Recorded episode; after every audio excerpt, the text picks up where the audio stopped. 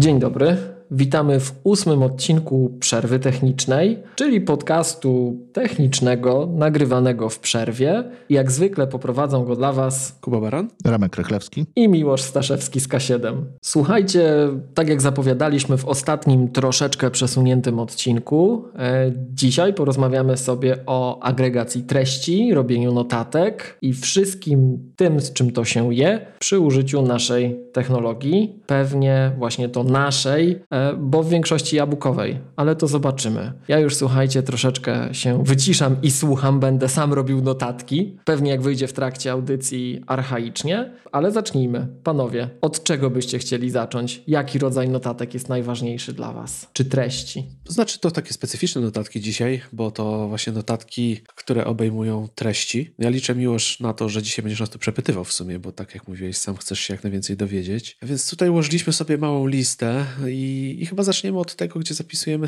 artykuły, które nas interesują. W moim przypadku można by powiedzieć, że historia zatoczyła koło, bo pamiętam, nie wiem kiedy to było, że pierwszą moją taką aplikacją było Instapaper, który był wielkim odkryciem dla mnie, że w ogóle można gdzieś zapisywać artykuły na później, potem je czytać i dodatkowo on je jeszcze przetwarza w sposób, że każdy wygląda tak samo, odpowiednia paginacja, e, czcionka i to czytanie nabrało nowego charakteru. Zaczęło trochę rozleniwiać też, no bo już było wiadomo, że witryna nie musi wyglądać tak jak chcemy, bo i tak później przeczytamy to w takiej formie, jaką lubimy. No i zaczęło się od tego słynnego Instapaper, które, co ciekawe, zostało stworzone przez Marco Armenta, gdzie pewnie niewiele osób, może dużo osób może o tym nie wiedzieć, twórcy Overcasta i no, jednego z naszych ulubionych podcastów ATP. No i potem na fali tego Instapaper powstało sporo aplikacji, ja też trochę tam wędrowałem. Pamiętam, że Pocket narobił sporo szumu, e, kiedy się pojawił, dużo osób się na niego przesiadło. Ja też się na niego przesiadłem, chociaż później wróciłem do Instapaper. Chyba był darmowy szybko. Tak, tak, tak. Znaczy on na wstępie był chyba całkowicie darmowy, a tak. potem, potem zaczęło się to jakby monetyzować. I długo tam korzystałem właśnie z Pocketa, wróciłem do Instapaper i w pewnym momencie na mojej drodze pojawiła się aplikacja Matter, która jest jedną z wielu, e, jakie pojawiły się w takim ostatnim wysypie aplikacji do czytania później jakichś artykułów. Ona miała takie założenie ciekawe, żeby tam agregować sobie autorów, że autorzy mogli jakby się w niej rejestrować. Ona sama śledziła tych autorów. Potem powoli widać, że ten model się nie sprawdzał i w kierunku takiego klasycznego readera, ale widząc jak zaczyna się monetyzacja i pewne takie krążenie i też jakby nie wiadomo, nie wiadoma u twórców, w którym kierunku iść, żeby tą aplikację utrzymać, żeby ona dobrze działała i też jej rozwój powodowały, że jakoś nie czułem się bezpiecznie, a już zacząłem szukać rzeczywiście miejsca docelowego dla moich artykułów, no bo to też ma służyć temu, żeby je zapisywać, robić sobie notatki, zaznaczać treści, czy też agregować w sposób na przykład po tagach czy w katalogach. Mhm. To ostatecznie wróciłem do Instapaper po jakimś czasie, kiedy samo Instapaper też jakby wyszło na prostą, bo było po drodze kilka miejsc, gdzie ta aplikacja się znajdowała. Nie wiem, czy nawet nie należała przez jakiś czas do Facebooka. Ojej. Tak, tak. Potem została odkupiona przez tych twórców, którzy odkupili ją od Marco Armenta i teraz zaczęła jakby osiadać już na jakimś porządnym fundamencie. Wprowadzono odpowiednią opłatę abonamentową, niezbyt wysoką, niewygórowaną. Pojawiły się wszystkie niezbędne funkcje. Podoba mi się ona wizualnie i rzeczywiście rzeczywiście trafiają tam teraz moje e, wszystkie artykuły, które chcę przeczytać sobie później. Okej, okay. E, to ja szybciutko też dopowiem. E, jeśli chodzi, bo nie wspomniałeś Kuba o tym, czy używasz jakiegoś czytnika RSS-u, to może najpierw dopowiedz. Jeżeli już, to jakiego? No to jest ważny element tej całej układanki, bo tak naprawdę tak. nie przeglądam stron. Żeby pozyskiwać te, te wiadomości. Mhm. I artykuły tak naprawdę znajduję w RSS-ie i RSS zawsze wiecznie żywy, mam nadzieję, że zawsze będzie żywy i używam używam do tego NetNewsWire. No to tak samo.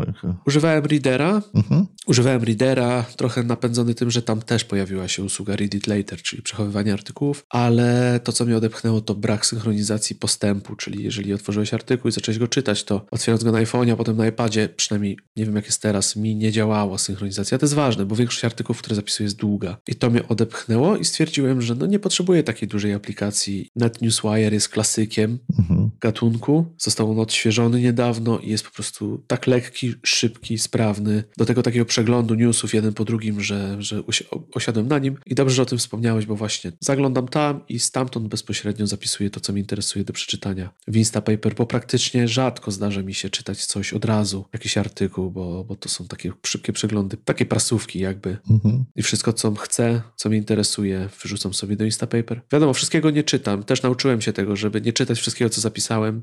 Mam taką zasadę, jeżeli mnie ten artykuł jakiś tam nie zainteresuje przez jakieś kilka, powiedzmy, minut czytania, to nie zmuszam się do czytania, mhm. tylko usuwam, bo tego zdecydowanie zbyt dużo. No wiadomo, łatwo zapisywać, a trudniej później z czasem na to, żeby to konsumować. Dokładnie. To ja, to ja tutaj też, też podobnie e, posiłkuję się NetNewsWire. W ogóle dużo czasu mi zajęło, zanim się pozbyłem takiego przyzwyczajenia, że mam właśnie czytnik RSS w przeglądarce. Bo jednak wydawało mi się, że jak czytam potem w przeglądarce, będzie to dla mnie najwygodniejsze i długo, długo właśnie się męczyłem właśnie z przeglądarką. NetNewsWire jest naprawdę bardzo, bardzo fajnym programem, który, no tak jak mówiłeś, fantastycznie szybko działa y, i umożliwia takie te przejrzenie podstawowych newsów. Ja też nie jestem zupełnie, wyleczyłem się z tego, że muszę mieć y, tutaj wszystko na zero. Mam kilka tysięcy artykułów, sześć tysięcy teraz do przejrzenia powiedzmy. To sobie tam gdzieś wpada, mam kilka, podzielone to na kilka jakby takich z grubsza, z grubsza feedów, które y, łączą ze sobą kilka stron tematycznych i w jednych jestem bardziej na bieżąco, w, grudnich, w drugich nawet się nie staram być na bieżąco, po prostu jeżeli mam chwilę czasu, to sobie tam zaglądam. Natomiast ja nie odkładam bardzo wielu yy, artykułów do przeczytania później. To znaczy, jeżeli coś jest ciekawe i myślę, że to będzie dla mnie warte wracenia, to na początku ląduje to w liście czytelni, ewentualnie y, w samym NetNewsWire dostaję gwiazdeczka i następnie później, jeżeli tym artykułem już się nacieszę, przeczytam go, przejrzę i myślę, że jednak będę potrzebował do niego wracać później, y, to go ręcznie przenoszę do Obsydiana, gdzie mam powiedzmy w podobny sposób, nieco może trochę bardziej, y, więcej tych, tych notatek, to drzewko jest tam troszeczkę większe niż, niż NetNewsWire, ale również tam mam podzielone artykuły na takie, które konkretne jakieś how-to, konkretne jakieś takie rzeczy, które mogą mi się później przydać. I później to wylatuje oczywiście z, z tych gwiazdek i z listy, listy czytelnia, żeby, żeby po prostu nie, zap, nie zapychać. Taka lista czytelnia plus gwiazdki. No mówisz, mówisz o liście czytelnia w Safari. Tak, tak dokładnie. No właśnie, bo nie wspomnieliśmy też w ważnym elemencie, jakim jest lista czytelnia. Też kiedyś, jak ona się pojawiła, pamiętam, to też się do niej próbowałem przesiąść, ale to, to nie spełnia moich oczekiwań do końca. Jednak mm -hmm. ja lubię te treści sobie bardziej jakby opisywać, agregować, notatki robić. I jeżeli chodzi o NetNewsWire, to warto też wspomnieć o tym, że ta aplikacja sama w sobie jakby agreguje nam RSS-y, nie potrzebujemy dodatkowych usług. Tak jest. Tak jak są feedbiny i te inne usługi, które właśnie pozwalają nam zapisywać RSS-y, zaczytywać je. E, tutaj NetNewsWire robi to sam, jakby sobie to prowadzi. Mhm. Korzysta natywnie z iClouda, więc to jest praktycznie wszystko dzieje się w ekosystemie Apple'a i to nigdzie więcej nie trafia. I dla mnie to też jest jeden z tych elementów, który mnie do tego przekonał. Tak, ja na początku, znaczy bardzo długo siedziałem, po, po oczywiście jak wszyscy kiedyś używali Google Readera, natomiast po jego ubiciu przez Google'a trosze, trochę się tam kołatałem po różnych serwisach, osiadłem na Feedly, ale no tak jak, tak jak mówisz. Właśnie się zastanawiałem, na czym byłem i jak to powiedziałeś, to właśnie Feedly. To, to tam pamiętam też, że sobie używałem tego jako tego RSS-a mojego. Tak. No i Miłoszu, powiedz nam, ty, jak ty sobie radzisz z artykułami? Czy ty masz aplikację, czy jednak nie? I tu też Powiedz, jak to wygląda u Ciebie? No ja używam, słuchajcie, NetNewsWire, tak jak Wy. Też się cieszę, że aplikacja w pewnym momencie została wskrzeszona. Kiedyś używałem jako takiej, takiego źródła, takiej inspiracji różnych rzeczy do przeczytania Twittera. Mhm. No ale odkąd on się tam przepoczwarzył w tego Xa ze wszystkimi konsekwencjami, to nie korzystam. Nie przesiadłem się na Mastodona. Mam nadzieję, że jeszcze, ale po prostu nie miałem czasu zrobić tego po swojemu i, i nie zrobiłem w rezultacie. Na później, słuchajcie, jestem takim jaskiniowcem. Czytam to wszystko w NetNewsWire, w sensie tam zbieram, a jak czytam, to czytam w Safari. No ja też. No ale jak was słuchałem, to sobie trochę notatek porobiłem tylko na kartce, słuchajcie, na takiej prawdziwej kartce, bo było najszybciej. Słuchajcie, wy powiedzieliście o takich dwóch rzeczach, że odkładacie sobie, to Kuba mówił, że odkłada sobie do czytania i że później robi jakieś notatki jeszcze na tym. Kuba, ty robisz te notatki w czym? Raczej notatki rzadziej niż zaznaczam po prostu fragmenty mnie interesujące. I to zaznaczasz wtedy w tym Instapaper? I w Instapaper. W Instapaper zaznaczam i mam wtedy, on mi ładnie pokazuje dane dla danego artykułu notatki, ale też mogę sobie przeglądać po prostu notatki dla wszystkich artykułów. Okej. Okay. Tutaj uzupełniając, właśnie dla mnie też, ja uważam, że podstawą sukcesu, żeby zacząć używać na przykład takiej no. aplikacji jak Instapaper, to jest to, żeby ona była jak najszybsza w użyciu. Więc sobie na przykład w Safari wrzucasz rozszerzenie i skrótem klawiszowym. Jest fajny artykuł, myk, zapisujesz i już zapominasz, że to się wydarzyło. Nie? To, jest, to jest też dość istotne, żeby to był jak najmniejszy próg tego, żeby to zapisać. Mhm. Bo wiadomo, że jak musisz parę razy kliknąć, to już ci się te, w połowie już ci się nie chce, albo nawet nie pomyślisz o tym, żeby to e, zrobić. Ale tak jak właśnie rozmawialiśmy nieraz, że ty miłość jesteś takim pochłaniaczem treści, ale chyba bardziej audio, mhm. no to wydaje mi się, że jeżeli nie, ma, nie używasz, to wydaje to myślę, że powinieneś spróbować właśnie na przykład Instapaper, nie? Nawet w tym darmowym planie, żeby zobaczyć. No, Dla mnie to największy, tak jak mówiłem na początku, atutem tej aplikacji jest to, że jaki, arty, jaki artykuł byś nie wrzucił z jakiej witryny, mhm. to zawsze czytasz ją jakby w tej samej formie, nie? To jest ta sama czcionka, to samo. To jest parsowany, cały ten tekst jest przygotowany i możesz użyć paginacji, czyli możesz przerzucać strony albo możesz czytać po prostu przewijając. Dla mnie, na- o, to też jest dla mnie plus. Ja lubię przerzucać strony. Kiedy jest artykuł, nie lubię przewijać, lubię przerzucać strony. Ja lub, zawsze lubię czytać książki i dla mnie to jest taki, jak to kiedyś powiedział, że przerzucanie stron w książce to jest taki mały reset. Tak. Czy to jest zamknięcie jakiegoś tam etapu. A niekończący się artykuł, przewijanie go we mnie powoduje to, że dostaję, wiecie, to jest ta frustracja, że nie wiem, gdzie się skończy do końca, bo go przewijam i przewijam. No jest to nużące, no. No i ta paginacja i na dole pokazywanie po tych kropeczkach wie więcej, bardziej wiem, jak to, gdzie jestem w tym artykule. No jest coś w tym takiego jakby, no, przypominającego analogowe czytanie. Dla mnie to jest też dodatkowy atut. A powiedz Kuba, czy próbowałeś czegoś, no bo ja tutaj się troszkę podczepię pod Miłosza, my jesteśmy bardziej, bardziej słuchacze, tak, tak mi się wydaje, niż czytacze e, takich treści. Czy próbowałeś, jest teraz modne różne AI-owe rozwiązania, e, które by ten tekst e, potrafiły sczytać? Nie trzeba, bo sam Instapaper czyta, tylko że Ale- po angielsku. Aha. Potrafi czytać, potrafi czytać, nie? A nie, nie Ale używałem. także mm, przyzwoicie miło się tego słucha, czy to jest to rzeczywiście kanciasta? Wiesz co, y, sprawdzałem po angielsku, było całkiem przyzwoicie, z tym, że ja nie słucham z jednego powodu. Ja audiobooki, Mhm, mm, dla mnie to raczej powieści, nigdy coś bardziej technicznego. jasne. Raczej też nie biografię, bo lubię też znajdować jakieś elementy i czy, słuchając audiobooka, w momencie, kiedy chcę coś zapisać, to się gubię, czy to cofnąć, czy przewinąć, jak to teraz spisać. Więc tak samo artykuły raczej czytam techniczne. Mhm. Raczej to są rzeczy takie bardziej związane z technologią, z jakimiś porady, artykuły o czymś i wolę to czytać po prostu. Jasne. Więc dla mnie to nie ma większego znaczenia i też nawet y, dla 95% myślę artykułów nawet nie próbowałbym Mhm, ich odtwarzać, bo dla mnie to jest po prostu treść, która musi być przeczytana, jasne. żebym ja po prostu coś z tego wyciągnął, nie? Mhm. Okej, a to dwa pytania. Jedno jest takie, bo ja troszeczkę przy tych treściach technicznych, takich stricte, też wolę czytać. I teraz, jak mamy takiego Instapapera i ty, Kuba, mówisz, że to jest fajne, bo jego zaletą jest to, że on ci w jakiś sposób tak sprowadza do tego samego wyglądu. Czy ty się nie boisz, że on coś zgubi? Coś istotnego? Czasami brakuje grafik, ale to czuć. Jakoś w tekście, nie wiem dlaczego, ale to czujesz. Po prostu widzisz, że powinna być grafika. Mhm. Tekst, jeżeli artykuł nie urwał się, przynajmniej było u mnie zawsze tak, jeżeli artykuł nie urwał się powiedzmy po trzech paragrafach, no bo gdzieś na stronie na przykład była kolejna strona, tego nie przeparsował, no to od razu wiesz i wtedy sobie możesz z niego otworzyć stronę i też sobie sprawdzić, jak to wygląda w oryginale. Więc to nie stanowi większego problemu, a, a jeżeli jest rzeczywiście kłopot, to albo dostajesz komunikat, że nie można tej treści jakby wczytać, że nie jest jej w stanie jakby jest, nie jest w stanie jej przerobić, lub widzisz, że po prostu nagle urywa ci się treść, więc to też możesz wtedy wejść na stronę www i po prostu ją przeczytać. Okej, Więc to nie jest tak, że, że przynajmniej ja się tak nie, nie spotkałem się z taką sytuacją, że przeczytałbym coś i myślał, że to koniec raczej. Z treści da się wywnioskować tak naprawdę, nie? Czy, czy artykuł się skończył, czy się urwał. Okej, a słuchaj, a czytasz to na ekranach? Bo Instapaper chyba kiedyś pozwalał na Kindle wysyłać treści. Instapaper pozwalał robić takie podsumowanie, jakby tam wybrać sobie i wyrzucić na Kindle, ale nie czytam na Kindlu Okej. artykułów, bo, bo nie.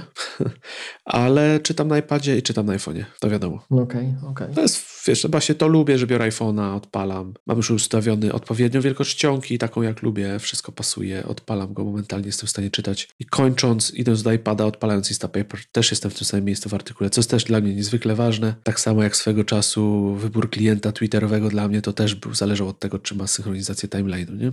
Po prostu, żeby... No tak. Jeżeli żonglujesz urządzeniami, to to jest rzecz bezcenna, w mojej ocenie. Mhm, mhm. Kluczowa, dokładnie. Okej. Miałem też pytanie o flow, ale już odpowiedziałeś, że to wszystko jest poukładane pod skrótami klawiszowymi i działa. No dobra, a słuchaj, a jak on ci te artykuły gdzieś tam pozatrzymuje, to ty sobie to jeszcze jakoś archiwizujesz potem dla samego siebie, żeby było na przyszłość, czy nie? Tak, jeżeli coś. Znaczy, z reguły jest tak, że jeżeli coś przeczytam i przeczytałem i jakoś nie czuję, że to będzie miało większą wartość dla mnie na przyszłość, to po prostu archiwizuję. Wtedy wpada to powiedzmy do jednego wielkiego kosza. A jeżeli są jakieś artykuły dziedzinowe, które wiem, że chciałbym gdzieś tam łatwiej znaleźć, to albo nadaję im jakiś hashtag, hashtag Instapaper, nie wiem czy nie mieszam, ale na pewno kataloguję. Mam katalogi podzielone, na przykład Apple, Security, tego typu rzeczy i tam sobie mogę je wrzucać i tam wtedy one są poagregowane, ale też wyszukiwanie działa na tyle dobrze, że przeszukuję po całych treści artykułu, więc to jest bardzo wygodne rozwiązanie. Okej. No i te zaznaczone fragmenty też, też, są, też dużo dają. Cytaty, nie cytaty. Ale to wtedy żyje w tej ich usłudze, nie wiem, u nich w Tak. chmurze, czy... Tak, to żyje w ich Okej. usłudze. To wszystko jest jakby... W, za, to się,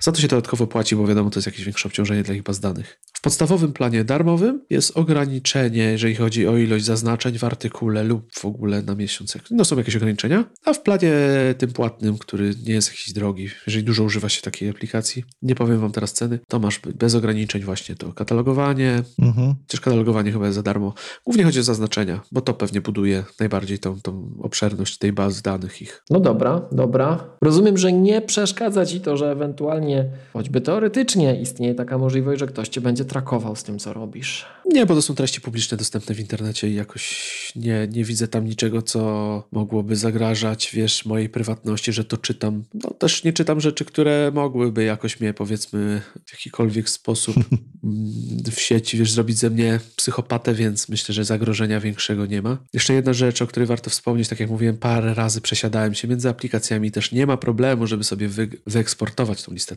artykułów i na pewno między Pocket a Instapaper bez problemu da się też przerzucać te dane, także to też nie jest tak, że ta usługa jest zamknięta i jakby z niej nie wyjdziesz, bo to też jest dla mnie z reguły kluczowe. Mhm. Ja do żadnej usługi nie wejdę, jeżeli nie widzę, że ona ma solidny eksport, bo jednak zawsze prawo do przesiadki powinno być i powinno być dobrze zrealizowane, także to też z tym nie miałem nigdy problemu i też to robiłem i to nie tak, że tylko mówię, ale też przesiadałem się. Okej, okay, okej. Okay. Zresztą Instapaper jest chyba uznawany za taki standard, jakby najbardziej popularną, jakby no, wzorcowa, tak? Jedna z pierwszych aplikacji tego typu, więc wszyscy Dokładnie. Ją wspierają jako to źródło lub też da się do niej wyeksportować. Okej, okay. no dobra, to ja chyba wszystkie swoje pytania gdzieś tam już wyrzuciłem. Później się pojawił Obsydian jeszcze, ale to rozumiem, że do tego dotrzemy. Mhm. Remek, a ty wspominałeś coś takiego o czytniku RSS w przeglądarce. Yy, tak, no bo yy, kiedyś, kiedyś yy, generalnie było sporo różnych czytników jako, jako aplikacji. Później e, właściwie wszyscy przesiedli się na Google Readera. To było jakieś, podejrzewam, że około dekady temu, może trochę mniej. I jakby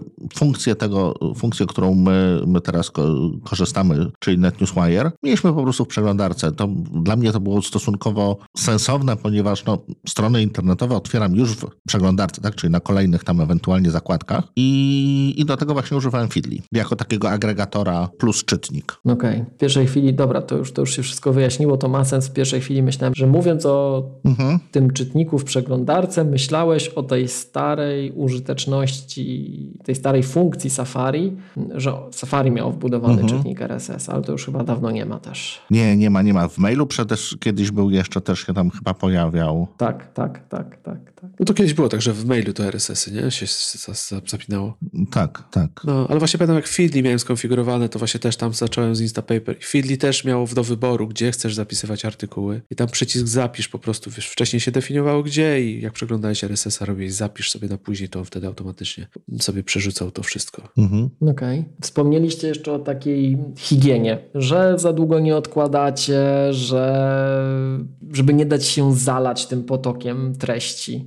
To też jest coś, co mnie zawsze strasznie interesuje, bo to jest taka moja nieustanna walka, żeby trzymać się blisko tej powierzchni treści. No ale słuchajcie, ja przynajmniej tak mam, że jest sporo takich rzeczy, na które gdzieś trafiam, posługując się tym starym określeniem surfowania po internecie. Jak sobie tak surfuję po tym internecie, tu coś trafię, tam coś wyłowię i ja wiem, że to jest coś, o czym ja kiedyś myślałem, ale na przykład zabrakło mi pary wytrzymałości czy pomysłu i temat się zatrzymał, a teraz znajduję ten missing piece, ten brakujący kawałeczek i mogę wrócić. Ja mam takich rzeczy pootwieranych bardzo dużo. Takich, gdzie sobie coś tam dłubię z tyłu, na tym takim backburnerze po cichutku gdzieś tam coś mhm. przygotowuję miesiącami niekiedy. I moim problemem jest chyba to, że ja za dużo tego zbieram. To, to, to wy naprawdę tak z jednej strony potraficie, że jak tu mnie nie wkręci, to wyrzucam i nie wracam. Nie no, wiesz, takaś... A później nie żałujecie? Za pół znaczy, roku? to chyba każdy zbiera za dużo. Chyba każdy zbiera za dużo. Jest kubka wstydu, jest, oczywiście. Tak, tylko właśnie ja, dla, ja, ja w pewnym momencie jakby starałem się wyrobić ten nawyk i udało mi się to zrobić. To nie jest proste właśnie, wiesz, że nie wszystko, co zapisałem, jest warte przeczytania, nie? Zwłaszcza po pierwszym akapicie. Lista czytelnia jest na tyle dobra albo niedobra, że to jest sterta, tak? Czyli to, co ostatnio położyłeś, jest na górze. E, więc ja się staram raz na tydzień, czasem rzadziej, czasem częściej, jeżeli mam jakiś taki e, oddech, powiedzmy, to to, co sobie tam nagromadziłem, właśnie e, sortować, tak? No i Jasne, jak gdzieś tam na dole mam rzeczy, które zapisałem w 2005 roku i do nich nigdy nie dotarłem i pewnie nigdy nie dotrę. Natomiast czasem zdarza mi się zejść tam poniżej niż, niż zeszły tydzień i z tego archiwum też generalnie powyrzucać, bo najczęściej tylko do wyrzucenia się to nadaje. Ale nie jest to często. Okej, okay, okej. Okay. Dobra, a słuchajcie, a te właśnie RSS-y to wy przede wszystkim na przykład ze świata technologicznego zbieracie rzeczy, czy nie tylko? Czy na przykład polityka, wiecie? Nie, nie, absolutnie polityka nie. Technologia, głównie technologia. Nie mam ochoty niczym innym czytać w sumie. Technologia, jakieś też czasami mam też blogi jakieś związane z finansami, żeby też poczytać, co tu, wiecie, jak tu żyć, co, jak sobie radzić z niektórymi kwestiami, którymi po prostu, mhm. na których się nie znam, a chcę poczytać mądrzejszych od siebie. Ale raczej nie mam tam e, polityki, jakichś Y, rzeczy rozrywkowych za bardzo. Ja szukam, Sportu. raczej szukam wiedzy. Okay. Jakby się tu nie przechwalać, to nie, szukam, szukam wiedzy. Raczej chcę, jak coś czytam, to chcę się czegoś dowiedzieć i jakoś tam poszerzyć swoje horyzonty, niż zapychać czas, bo tego czasu jest zdecydowanie za mało na tego, tego typu rzeczy. To może ja powiem, jakie ja mam katalogi y, w NetNewsWire. To jest przede wszystkim Apple, y, angielskie Apple, tak, czyli wszystkie, wszystkie no kilka blogów, raz, dwa, trzy, cztery, pięć powiedzmy, które anglojęzycznych, które, które zdarza mi się przeglądać. Mam zakładkę z ofertami różnymi, gdzie są jakieś tam kwestie, kwestie, że promocja na coś tam jest. To czasem też mi się zdarza przeglądać, ale, ale rzadko. Newsy gamingowe, coś co mam nazwane low traffic, to są najczęściej takie blogi pisane właśnie, najczęściej, najczęściej około Apple'owe, natomiast to jest takie, takie które no czasem raz na tydzień, raz, nie częściej niż raz dziennie coś się na nich pojawia. O może tak to ujmijmy. Więc to jest tak do, do poczytania bardziej. Security, czyli blogi traktujące o bezpieczeństwie sieciowym i technologia ogólnie, podzielona na angielską i nasz taki technopudelek, powiedzmy, bardziej około Apple'owe. Okej, okay, dobra, to ja, ja przy was się uczę, słuchajcie, bo ja mam tam tak powrzucane historycznie dużo i staram się nie dzielić, ja jestem tym completionist, ja staram się tam, wiecie, wszystko, wszystko, a już raz na jakiś czas ogłaszam bankructwo, bo się nie... Ale gdzie wrzucasz, powiedz artykuł jeszcze raz? Lista czytelna? Ja w, net, w NetNewsWire, ja używam NetNewsWire. Tam sobie zaznaczasz, że chcesz przeczytać, tak? Tak, i, i to sobie tam leży, leży. Okej, okay, rozumiem. Nie pamiętam, czy ten nowy NetNewsWire ma dokładnie tak to sformułowane. Stary na pewno miał, że on pytał, po jakim czasie usuwać te, te, te rzeczy z feeda, którego trzyma. Mm, to ja tam zawsze dawałem maksymalne. Mhm. Czyli jak było nigdy, to nigdy, a jak się nie dało, to wpisywałem na przykład kiedyś w NetNewsWire można było wpisać to 3000 dni na przykład, nie? No i tak trzymałem, trzymałem dopóki... No ja właśnie, ja no NetNewsWire jakby używam jako inbox i stosuję w nim metodę tak jak wszędzie się staram, inbox czyli jak go odpalam sobie na przykład teraz usiadłem, usiadłbym o 18, mhm. to jeżeli mam tam nieprzeczytane to rzeczy, to je po prostu przeglądam i staram się nigdy nie, za, nie widzieć tej samej rzeczy dwa razy, czyli albo ją zapisuję na przykład do Instapaper, że chcę ją przeczytać, mhm. albo ją czytam ten fragment pierwszy, albo one są też krótkie, bo są portale, które serwują krótkie treści. Czytam to na miejscu, no ale jak już je przeglądam, to przeglądam jakby o, do zera i on jest czysty, nie ma żadnych nieprzeczytanych treści i tak go zamykam. To jest taki właśnie inboxik, nie? I staram się go nie dopuszczać do tego, żeby on tam rozrósł się za bardzo, bo właśnie lubię tę taką porcyjkę. No, mam tych portali też staram się mieć za dużo i dziennie tam powiedzmy 30-40 rzeczy tam się pojawia do przejrzenia tak na szybko. Gdzie z większości tak naprawdę wystarczy ci przejrzenie nagłówków, żeby już się dowiedzieć, co tam się w świecie wydarzyło. Technologicznym też często, nie? Zgadza się. Okej. Okay. Ja chyba za dużo zbieram, albo nie umiem sobie z tym radzić, takich rzeczy, że ktoś dłubie. Że ktoś dłubie i pisze na przykład, jak tu działa APFS. No i tam musisz trochę przeczytać, żeby zobaczyć, czy on wie, co pisze i czy to jest ciekawe mhm. i w ogóle, nie? Więc ja, ja zazwyczaj w takich rzeczach tonę. Bo tu masz jakiś tam APFS. Później masz właśnie, nie wiem, e, jakieś takie security rzeczy, że o, tu goście zobaczyli coś takiego i to jest ciekawe. No i właśnie. Ja mam tak, że raczej jak coś już czytam, to się staram to gdzieś zrzucić, bo nigdy nie wiesz, kiedy ci się przyda, nie? Mhm. Tylko ja jestem jaskiniowiec, ja to na dysk zrzucam, słuchajcie, do PDF-a i na dysk. Też tak można, też tak można. No ale wiesz, no też to stosunkowo łatwo możesz to wyszukać w tym momencie, bo masz po słowach kluczowych w odpowiednim pewnie jakimś folderze, więc to, to, no, nie, jest to nie jest to zła metoda. No to Devon Think by się najlepiej nadał, jak ty jesteś taki jaskiniowiec. no właśnie. Lokalna baza danych. Kiedyś do niego robiłem podejście. oparta na AI-u jakimś tam ich wewnętrznym. Wyszukiwarka chyba najlepsza na świecie, mówi się o tym, dokumentów, to jak takie PDF-y, to on tam by, uff, aż by huczał. Ty chyba Kuba Devon, Devon Finka też przerabiałeś kiedyś. Używam, używam. Używasz? Trafiałem, tam wszystkie dokumenty mam w tym. Mhm. Muszę wam powiedzieć to, jak to genialnie potrafi szukać, jak szybko potrafi szukać i na moja ulubiona funkcja. Ja tam sobie wrzucam wszystkie dokumenty do inboxa, Mhm. to wchodzę do tego inboxa i on mi automatycznie jest w stanie zasugerować, gdzie co wrzucić już po tym. On uczy się tego, co gdzie wrzucam. Jest naprawdę doskonały w tym. Gdzie tam jest coś w dokumencie takiego, co wyznacza i on potrafi powiedzieć, że to jest nie, wiesz, nie tu, tylko tam, do odpowiedniego folderu sobie przerzuca. Pięknie sortuje, pięknie wyszukuje. Dodatkowe, tam jest pełno dodatkowych narzędzi edycyjnych, z których nie korzystam, ale jako taka, taka agregacja właśnie dokumentów to jest doskonałe narzędzie. Umowy, wiecie, no takie papiery, papiery, nie? Mhm. Nie, nie, może ja nie używam go do dokumentów takich jak Miłosz może by zapisywać sobie y, artykuły w PDF-ie, ale, ale całe dokumenty, umowy, tego typu rzeczy tam są, bo on ma OCR-a wbudowanego, więc też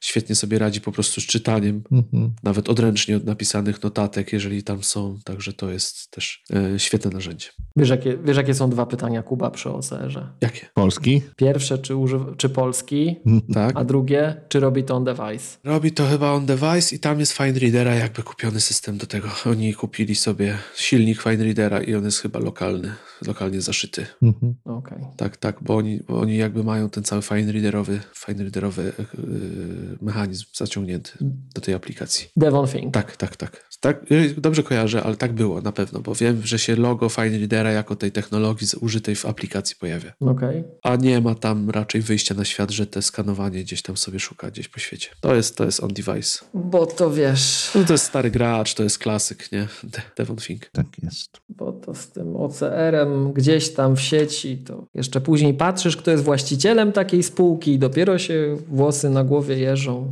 Panie księgowe potrafią sobie przerabiać Worda na PDF-a online, No, bo w Google wyskoczyło jako pierwsze, to no, no, no. naprawdę można się zjeżyć, jakie rzeczy trafiają do internetu, bo ktoś sobie przerobić chciał coś. Tak, tak, tak, tak. I wpisał w Google'a tylko, było w doc, to doc do PDF, proszę bardzo. Tak jest. Czekamy na twoje dane. Słuchajcie, a ten Devon Fink, on ma jakąś lokalną bazę, taką, nie wiem, opartą o jakiś SchoolIT, coś takiego, tak? To jest baza lokalna, to jest plik lokalny, w którym on segreguje. To jest coś dla porównania, żeby też słuchacze może lepiej wiedzieli. To jest jak w, e, aplikacja zdjęcia. Jest pliczek, baza Devon Finka, w środku on to sobie segreguje, tam są podfoldery, ma swoją strukturę i potem sobie tam rządzi. Znaczy kontener po prostu swój zakłada. I tam są, tam są fizycznie twoje pliki, PDF-y, normalnie mógłby się wyciągnąć, tylko on jest po swojemu nazywa, nadaje im swoje znaczniki. To jest całkowicie lokalnie, to działa. Synchronizacja też może być tylko po iCloudzie, albo nawet możesz sobie to zapiąć na swoim jakimś tam wymyślnym rozwiązaniu. No to jest takie, taka, taka zabawka dla, dla takich jak my, nie? Okej. Że jak jesteś paranoikiem, to sobie to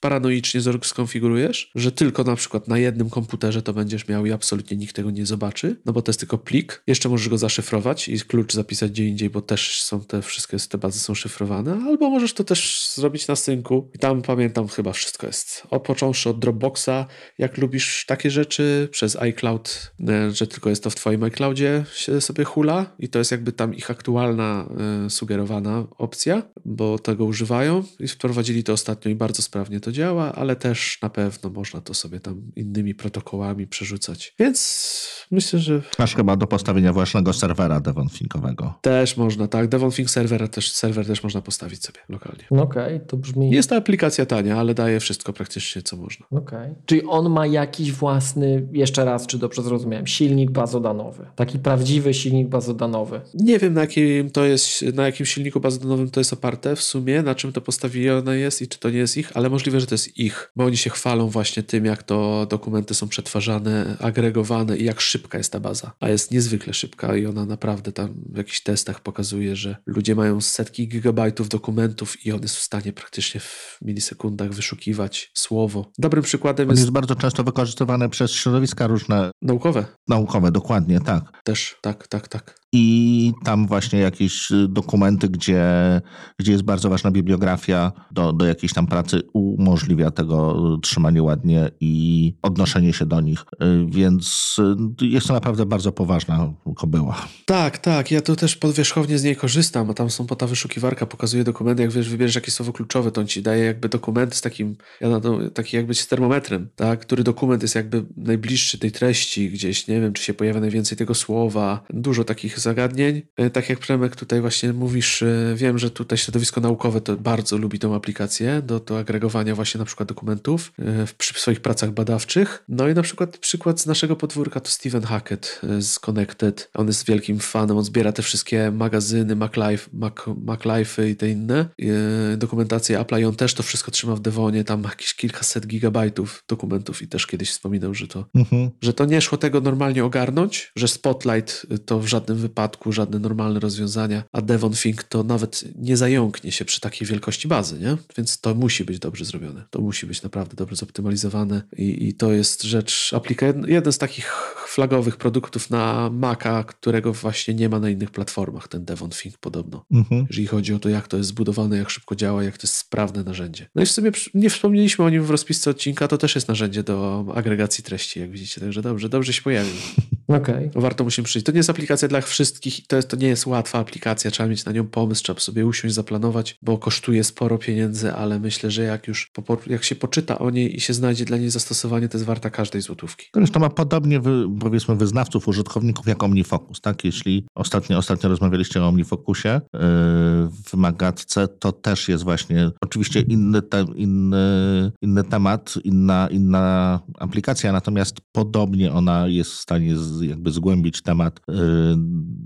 wykorzyst wykorzystania właściwie wszystkich możliwości, które, które daje nam platforma. Okej, okay, okay, Tak, mi się wydaje, że to właśnie tak jak mówisz, to jest jak Omni, Omni, że masz, możesz sobie tam po prostu wklepywać zadania i odznaczać, a możesz pisać skrypty automatyza z automatyzacją i Devon Think też takie skrypty posiada. Devon też wiem, że ma właśnie zapięcie do RSS-a, że zasysa ci dane. On ci może pobierać automatycznie treści ze strony, jeżeli chcesz, żeby tego pilnował. Tam jest naprawdę, możliwości są olbrzymie. Ja, ja nie znam, podejrzewam nawet 5% możliwości tej aplikacji. Okay. Ale gdzieś kiedyś kupiłem, tak sobie trzymam tą bazę i po prostu lubię mieć tam dokumenty, nawet ze względu na to wyszukiwanie. I, i segregację automatyczną, czyli ja biorę dokumenty, wrzucam, raz w tygodniu siadam i dokument po dokumencie praktycznie już sam się ustawia, gdzie chcę go wrzucić i mogę tylko kliknąć klawiszem, skrótem klawiaturowym i on automatycznie tam wpadnie lub mam sugeruje mi kilka innych miejsc, gdzie też mogę go wrzucić. Także fajne, wygodne narzędzie. A jak to Kuba teraz wygląda na urządzeniach? Bo kiedyś to była aplikacja tylko makowa, yy, kiedy ja się nią bawiłem i tak naprawdę przestałem z niej korzystać dlatego, że no po prostu nie miałem dostępu na iPhone'ie, iPadzie do tej bazy w żaden sposób. Oni mieli taką bardzo mm, bardzo ciosaną siekierą aplikację przez jakiś czas, jak, bo, bo brakowało i zdorobili, mhm. a potem dewelopowali wersję chyba trzecia, Devon Think to Go to się chyba nazywa ta aplikacja. Mhm. Jest w wersji trzeciej, jest w abonamencie, kosztuje chyba 80 zł rocznie i jest bardzo sprawna, jest tak sprawna jak Macowa, nie ma tych wszystkich funkcji. No tak, tylko przeglądanie właściwie. Śmiga, śmiga mhm. po iCloudzie, bardzo fajnie działa, że nie pobiera tych wszystkich PDF-ów lokalnie do ciebie, ale wyszukiwanie działa w całym zakresie. O. Więc on tam trzyma sobie te znaczniki, trzyma coś mhm. z tej bazy, wyciągnę taką esencję i jeżeli coś znajdziesz, to on sobie to zassa i też możesz, uzna, też możesz mu zaznaczać, ile tych danych chcesz trzymać, ile, że po przekroczeniu gigabajtów, żeby tam czyścił powoli na przykład, nie lokalnie, żeby też tego urządzenia mobilnego nie dojechać. Także teraz jest pełnoprawna i wiem, że ludzie są bardzo zadowoleni, użytkownicy, że w końcu, w końcu rzeczywiście jest, jest dobra aplikacja na iPhone'a, na iPada. Okay. Także to już jest rozwiązane i jest to, i działa to sprawnie, bo tam dużym problemem właśnie była ta synchronizacja, bo ona mhm. była tak robiona przez Dropbox, przez co inne usługi, local server, i to powodowało też problemy z tym, jak to pchać, podejrzewam, te zmiany. I wiem, że dużo wniosło ta uruchomienie tego iCloud, mhm. iCloud Kita, jakiegoś tam jest taki nowy mechanizm, którego oni zaczęli korzystać. I on rzeczywiście tą synchronizację wprowadził na nowy poziom, że to się odpalasz aplikację, to trwa parę sekund i on już wie, co się zmieniło i pokazuje to wszystko jeden do jeden. Praktycznie synchronizacja jest na żywo, nie? jeżeli masz odpalone dwie aplikacje jednocześnie, mobilnie i na komputerze. Okej, okay, to lecimy dalej. Raindrop mamy następne. No właśnie, chciałem was zapytać, jak zapisujecie linki? Ciekawe linki do stron, do artykułów też, na przykład do narzędzi. Gdzieś zapisujecie, czy po prostu bookmarki w Safari albo w przeglądarce? Tak jak już mówiłem, to trafia do Obsydiana, do kilku po prostu notatek, które są jakby rozwinięciem trochę tej listy czytelni, czy podziału takiego, który mam w RSS-ach nieco, nieco większego. Y, trochę jak jaskiniowie spróbowałem tego raindropa, jak mi go kiedyś tam z miesiąc, dwa temu poleciłeś, ale jakoś się od niego odbiłem. Stwierdziłem, że ja na razie muszę, może do niego kiedyś dorosnę, natomiast y, jak na razie to taka trochę, trochę właśnie te, też kwestia, kwestia ręcznej, ręcznego tam zmian, wpisywania tych, y, tych linków plus opisu, opisu tego, które mogę sobie zrobić y, w Obsydianie mi w zupełności wystarcza. Jak będę czegoś potrzebował więcej, to się, to się właśnie skieruję jeszcze raz do ciebie po polecenie czegoś. Miłosz? Ja się staram pobierać to, co jest pod linkiem. Jak już muszę, jak mam takie rzadkie sytuacje, tak, tak, takie rzadkie sytuacje, że coś się zmienia. Nie wiem, powiedzmy, że jest to jakaś strona, na której są wrzucane jakieś, nie wiem, nadchodzące eventy, tak? No to mam wtedy, to mam wtedy zakładkę normalnie w Safari, ale to się dzieje bardzo rzadko. Ja jestem takim starym gościem, wiecie, zrzuca wszystko tam. Duży storage gdzieś musi być niedaleko i, i backupowanie, backupowanie, backupowanie. Czyli jak kometa spadnie, to trzeba tylko ciebie znaleźć i już będziemy internet mieli gdzieś tam na dyskach. Tyle, ile dużą się dało część, Duża część będzie tak. zrzucona, także to nie ma problemu. To wiecie, my żyjemy w takich czasach, gdzie ten storage jest tani, jest łatwo dostępny i nie ma powodu, żeby sobie pewnych rzeczy nie zapisywać, ale na co dzień to, to takie, no to wszystko, co robię, tak nie wiem, nazwijmy to około zawodowo czy około hobby, to są mhm. lekkie rzeczy. To są, jeśli chodzi o storage, lekkie rzeczy. To później problemem jest nie tyle przechowywanie tego, ile to, co powiedzieliście, wyszukiwanie. Mhm. Bo rzeczywiście, jak my mamy tych plików, powiedzmy po jakimś czasie, nie wiem, 100 tysięcy, nie? I to Wam zajmuje bardzo dużo już relatywnie tego, znaczy relatywnie na tym storage'u, mhm. E, to idzie powiedzmy w dziesiątki, setki giga, no to, to trzeba coś z tym robić, nie? To tak jak czasem, pamiętam, że ze studentami kiedyś chyba na ten temat rozmawiałem, albo na którymś szkoleniu, że ja w pewnym momencie, bo ja trochę przerzucam te moje um, sposoby radzenia sobie z niektórymi tematami, dlatego jestem ciekaw, jak wy to robicie. E, na K7. E, ja zawsze żartuję, że my w K7 storage to w petabajtach wyrażamy. Zaczęliśmy oczywiście od ułamków, nie? że o, tu już pół petabajta mamy takich rzeczy, że to trzeba, nie? To już trzeba. E, no a my jesteśmy takim, wiecie, takim tam mikro, mikrusem de facto, nie? No i to właśnie dlatego tak słucham, słucham, co wy robicie, bo, no bo dużo tego wszystkiego jest i w każdą stronę, nie? W szczególności jak są takie rzeczy, które was właśnie kręcą, interesują i wy wiecie, że chcecie coś zrobić, mhm. a na przykład mówiąc ogólnie działacie na polu, które jest nie do końca przejrzyste. Nie do końca wszystko widać. I czasem musicie czekać dwa lata, żeby się coś pokazało, co jakby dobrze połączyć z tym, co żeście dwa lata temu widzieli, to trzeba szybko wrócić. Trzeba szybko takie time machine sobie zrobić i cofnąć się, nie? Tylko jest ciężko właśnie mm, znaleźć ten moment, w którym to się zaczęło tak naprawdę, bo większość takich rzeczy się po prostu zaczyna bardzo powoli. Otóż to. Ja nie zbieram, nie zbieram, ale za to mam Devon Finka, także... No, no to wiesz co, to powiedz, powiedz nie, nie o Devon Finku, tylko powiedz o Raindropie. To będzie najciekawsze chyba. No okej, okay, linki. Wcześniej używałem po prostu zakładek w Safari, jeżeli coś było, ale w pewnym momencie poznałem Raindropa. I tu kolejny po prostu przykład tego, że lubię mieć aplikację, w której te linki są, lubię móc je zapisywać wszędzie, z każdego miejsca przez skróty klawiaturowe, wygodnie, po prostu, tak jak w każdym miejscu w iOSie sobie udostępni, pojawia mi się raindrop, mogę po prostu wrzucić. I on też, jego filozofia działania jakby odpowiada temu, co lubię robić, czyli mam tam inbox, do którego wszystkie linki trafiają, hmm. potem mogę je segregować. Mało tego, on też sam może jakby po nazwach, słowach kluczowych, hashtagach już robić segregację do odpowiednich katalogów. Podoba mi się, jak przejrzysta jest przeglądarka, bo nie lubię przeglądać na przykład tych bookmarków w Safari. Według mnie to nie jest zbyt ładne. Taka lista i tyle. tak, i tutaj jest to wygodne. Są fajne miniatury, jest to estetycznie zrobione, można to segregować, dodawać hashtagi do tych wszystkich rzeczy. Nie przechowuję tu za bardzo artykułów. Tutaj trafiają głównie linki do narzędzi, które mnie zainteresowały, ewentualnie też nie artykuły, a bardziej rzeczy techniczne, czyli jakiś opis, na przykład, nie wiem, skonfigurowania jakiegoś urządzenia, tak? To nie jest dla mnie stricte artykułem, tylko to jest dla mnie jakby instrukcja. I tam też to trafia. No i bardzo lubię tę aplikację, zwłaszcza, że jest międzyplatformowa, a przydała mi się teraz szczególnie, kiedy przesiadłem się z Safari na Arka, tak jak wam opowiadałem, na inną przeglądarkę niż ta systemowa i, mhm. i po prostu ta, op, między iOS-em a Maciem nie ma po prostu żadnej bariery, jeżeli chodzi o przechowywanie linków i wiem, że to wszystko trafia w jedno miejsce i mogę nimi po prostu fajnie, wygodnie zarządzać w sposób wizualnie atrakcyjny i też praktyczny, po prostu praktyczny. Jasne. Okay. I też chciałem zaznaczyć, że ja tutaj, jeżeli ktoś Raindropa używa bardzo intensywnie, to ja też tutaj jakby ślizgam się po jego powierzchni, bo wiem, że on ma bardzo dużo innych opcji, których jak nie korzystam. Tam można przechowywać zachowywać multimedia, zdjęcia, inne tego typu rzeczy. I on też sobie z tym świetnie radzi, ale ja akurat z tych funkcji nie korzystam. Okej. Okay. Miłosz, czy masz jakieś tutaj do tego pytania, czy to raczej jest... Ja, ja jak zwykle mam takie pytanie, które się pojawiło obok i może te dyskusje przeciągnąć nie wiadomo gdzie, ale spróbujmy, bo wspominacie o wielu narzędziach. Ja już chyba wiem, jaka będzie odpowiedź, ale mimo wszystko niech to pytanie się pojawi, bo taki odcinek jest, tak? Mhm. Jak mamy te narzędzia, jak Raindrop, jak e, Devonthink, jak Obsidian, um, Keyboard Maestro był chyba wymieniany w poprzednim odcinku albo gdzieś tam wcześniej jeszcze. Mhm. To czy wy takiego narzędzia się uczycie tak, że bierzecie manual i oddechy do dechy jedziemy? Czy nie? Czy na zasadzie takiej osmozy? Skaczę, zanurzam się, klikam, oglądam i wyciągam wnioski. I czy to czasem zależy od narzędzia? Że na przykład jedne to wskakuję i się bawię i się uczę w miarę e, jak się po tym poruszam? Czy są takie sytuacje, że tutaj z należną czcią, baczność, instrukcja i lecimy z koksem?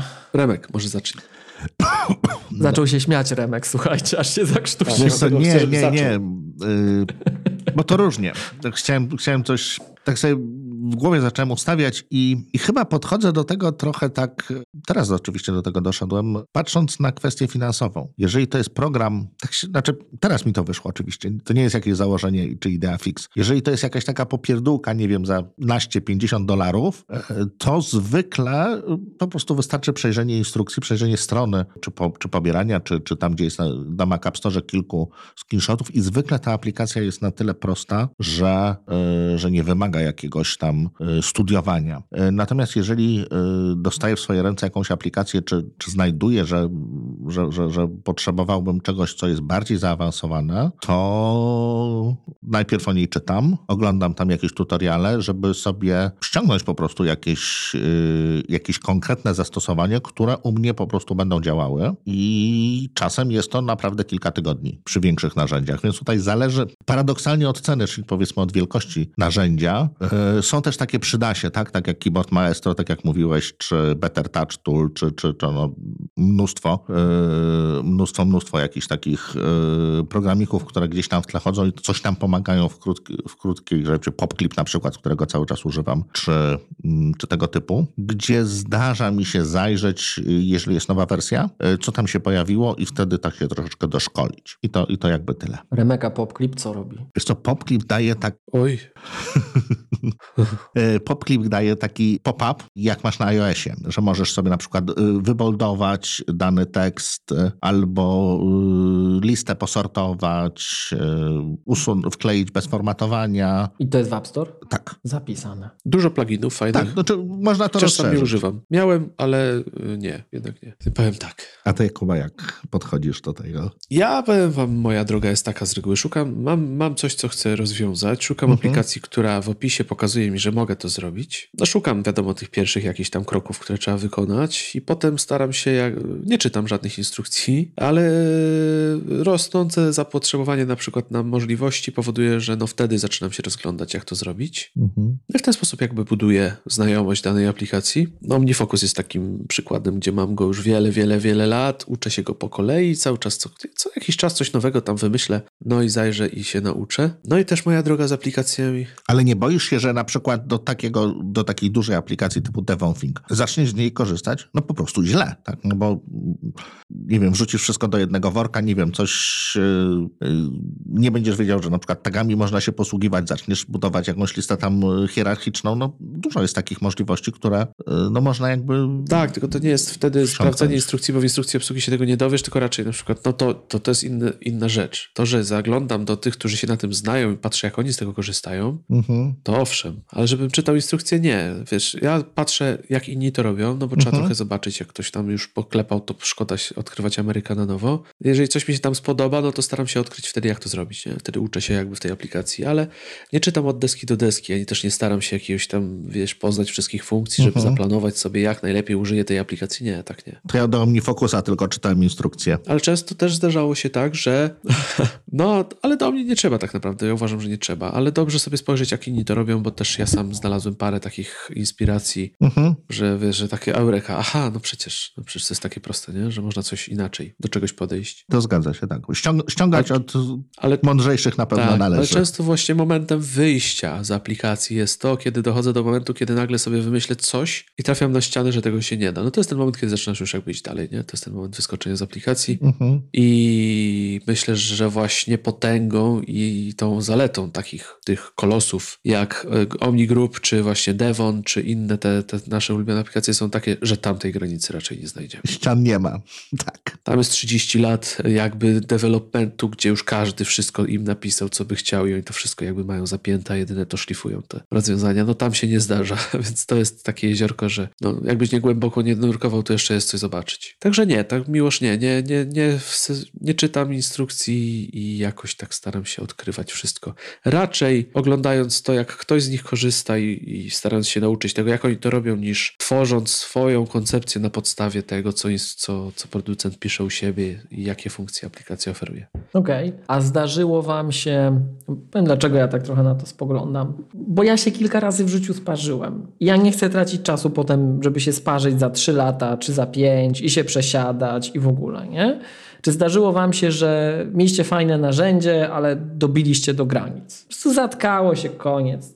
Nie wiem. Tak. Wrzuciliście mu tyle maili, tyle plików, czy tyle czegoś, że, że przestał się ruszać. Tak. I trzeba było zmienić narzędzie. Wiesz co, to jest taki znany przykład. Ja, jeżeli mogę, to szybko. Nie to, że on przestał się ruszać i jakby znalazłem do granicy, ale to jak deweloper zepsuł aplikację. I to jest Evernote, jeden z najsłynniejszych chyba przykładów, Tak. gdzie samograj został dorżnięty przez deweloperów i złe ruchy po prostu i ta aplikacja zniknęła, a była absolutnym fenomenem. Jak na swoje czasy szczególnie. Gdzie to była aplikacja, gdzie ja, ja się, ja tam zobaczyłem w ogóle ten nowy świat notatek, nowy świat w ogóle notowania i to, Była ta apka z zielonym słoniem, tak? że na iPhone'ie ta aplikacja, jak ona wygląda, tak, apka z Tak. zielonym słoniem, tak, tak. No to było cudo, to było cudo i to było ob- objawienie. Mówię, kurczę, wiesz, jak można notować, segregować, jak to pięknie wszystko było zrobione. I to zaczęło zwalniać, to zaczęło być nieużyteczne, to zaczęło mieć dziwną politykę cenową, tam się zaczęły dać dziać cuda i nie wiem, czy oni istnieją, chyba już nie istnieją tak naprawdę. Chociaż, nie wiem, chyba, że tam są jakieś popłuczyny. Chyba istnieje, ale to już jakieś właśnie dokładnie. Ale to podejrzewam, że już jest ósmy albo dziesiąty właściciel, który chce zrobić Tak, ewolucję, bo to się tam co- co chwilę, tak, takich- tak, tak, tak. Przyjdzie To Symantec potem i zaczęło kupi, być sprzedawane po prostu. Ta Broad, Broadcom kupuje wszystko, bo Symantek aż Ostatnio- Broadcom kupił też. Tak. Teraz już tak, teraz Tak, już jest Symantec- paczka Symantec wyżej. już nie jest Symantekiem, tak. Oj. Tak samo jak w, g- w grach chyba jest te, Tencent chyba jest taka firma, nie? Tak, Chińczyk. Która w grach, Tak, ta, która kupuje wszystkich praktycznie graczy gamingowych i praktycznie wszystko należy do jednego. na worki. Taka grupa dokładnie. Nestle.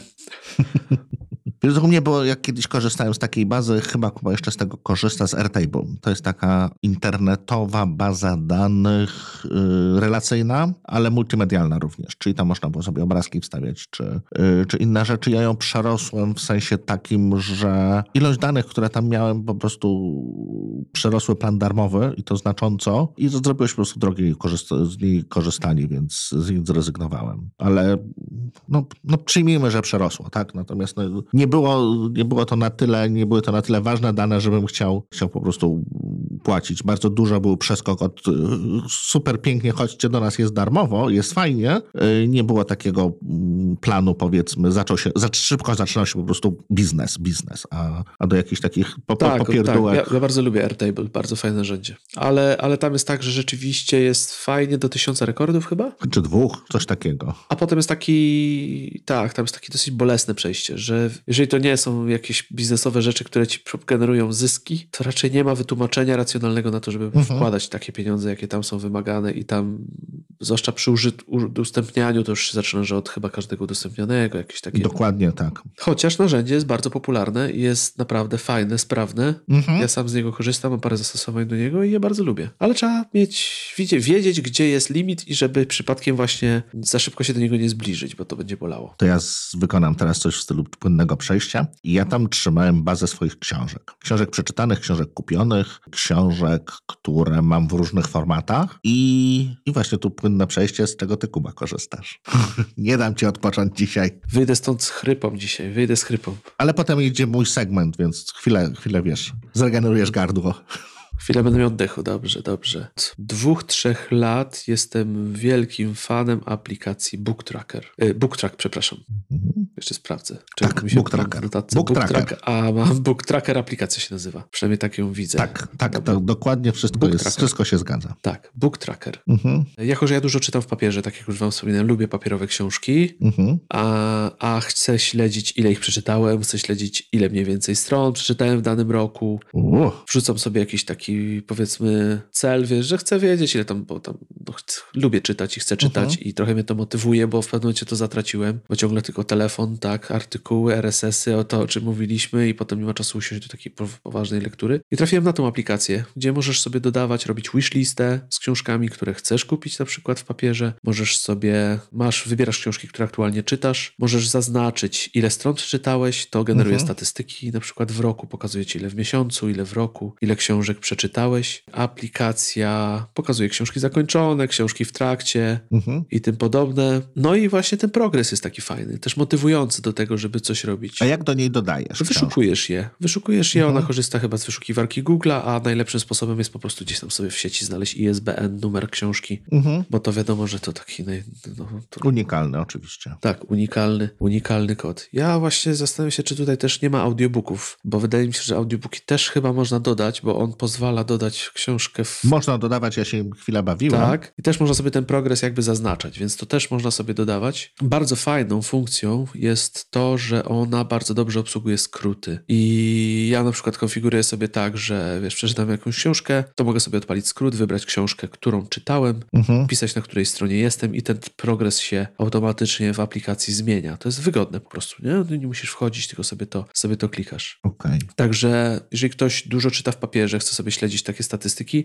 aplikację absolutnie polecam. Można zobaczyć, ile się dziennie czytało, średnie statystyki, można sobie wyznaczyć jakiś tam cel. No i też prowadzić jakąś też yy, po prostu wirtualne odzorowanie swojej biblioteki i widzieć, co się na tym papierze ma, w jakiej formie. Można też prowadzać notatki. E, Jest możliwość zapisywania cytatów, więc do każdej z książek Mhm. możesz sobie dorzucać, dorzucać po prostu tutaj notatki. Nie pamiętam teraz, czy da się skanować bezpośrednio w aplikacji, ale chyba, chyba nie. No, można je wpisywać po prostu, Mhm. no ale można oznaczać też te cytaty kolorami. Aplikacja jest godna polecenia, bo w planie darmowym, a nawet nie wiem, czy jest płatny, ale wydaje mi się, że jest. Jak się przygotowałem. Jest. Book Tracker Pro jest Tak. oczywiście. Ale to nie są wysokie ceny. Naprawdę jest, jest świetne. Jest bardzo ładnie zaprojektowana. Nic się tutaj nie ma, nie, jest, nie ma żadnego przerostu tutaj treści nad formą, Mhm. ani, ani formy nad treścią i, i te statystyki są fajne. I z mojej perspektywy to, co mogę powiedzieć, co daje ta aplikacja na pewno, to daje dodatkową motywację, żeby czytać. Bo po prostu napędzasz się tym, że o, czytałeś, masz jakąś średnią i chcesz trochę sobie podgonić, chcesz, żeby to jednak trochę tam czy, tych książek przeczytać. Mhm. A jak ktoś jest takim nerdem właśnie statystycz, statystyk i lubi sobie zobaczyć, co tam w roku zrobił, ile stron przeczytał, Mhm. to jest to, jest to świetna rzecz. Także ja zdecydowanie polecam. To właśnie a propos wersji płatnej, to widzę, że jest jednorazowy zakup 90 zł za wersję Pro, więc e, przy dzisiejszym klimacie to o, jak za darmo. Bez abonamentu No jeszcze. jeżeli ktoś, naprawdę, jeżeli ktoś jest molem książkowym i lubi książki klasyczne,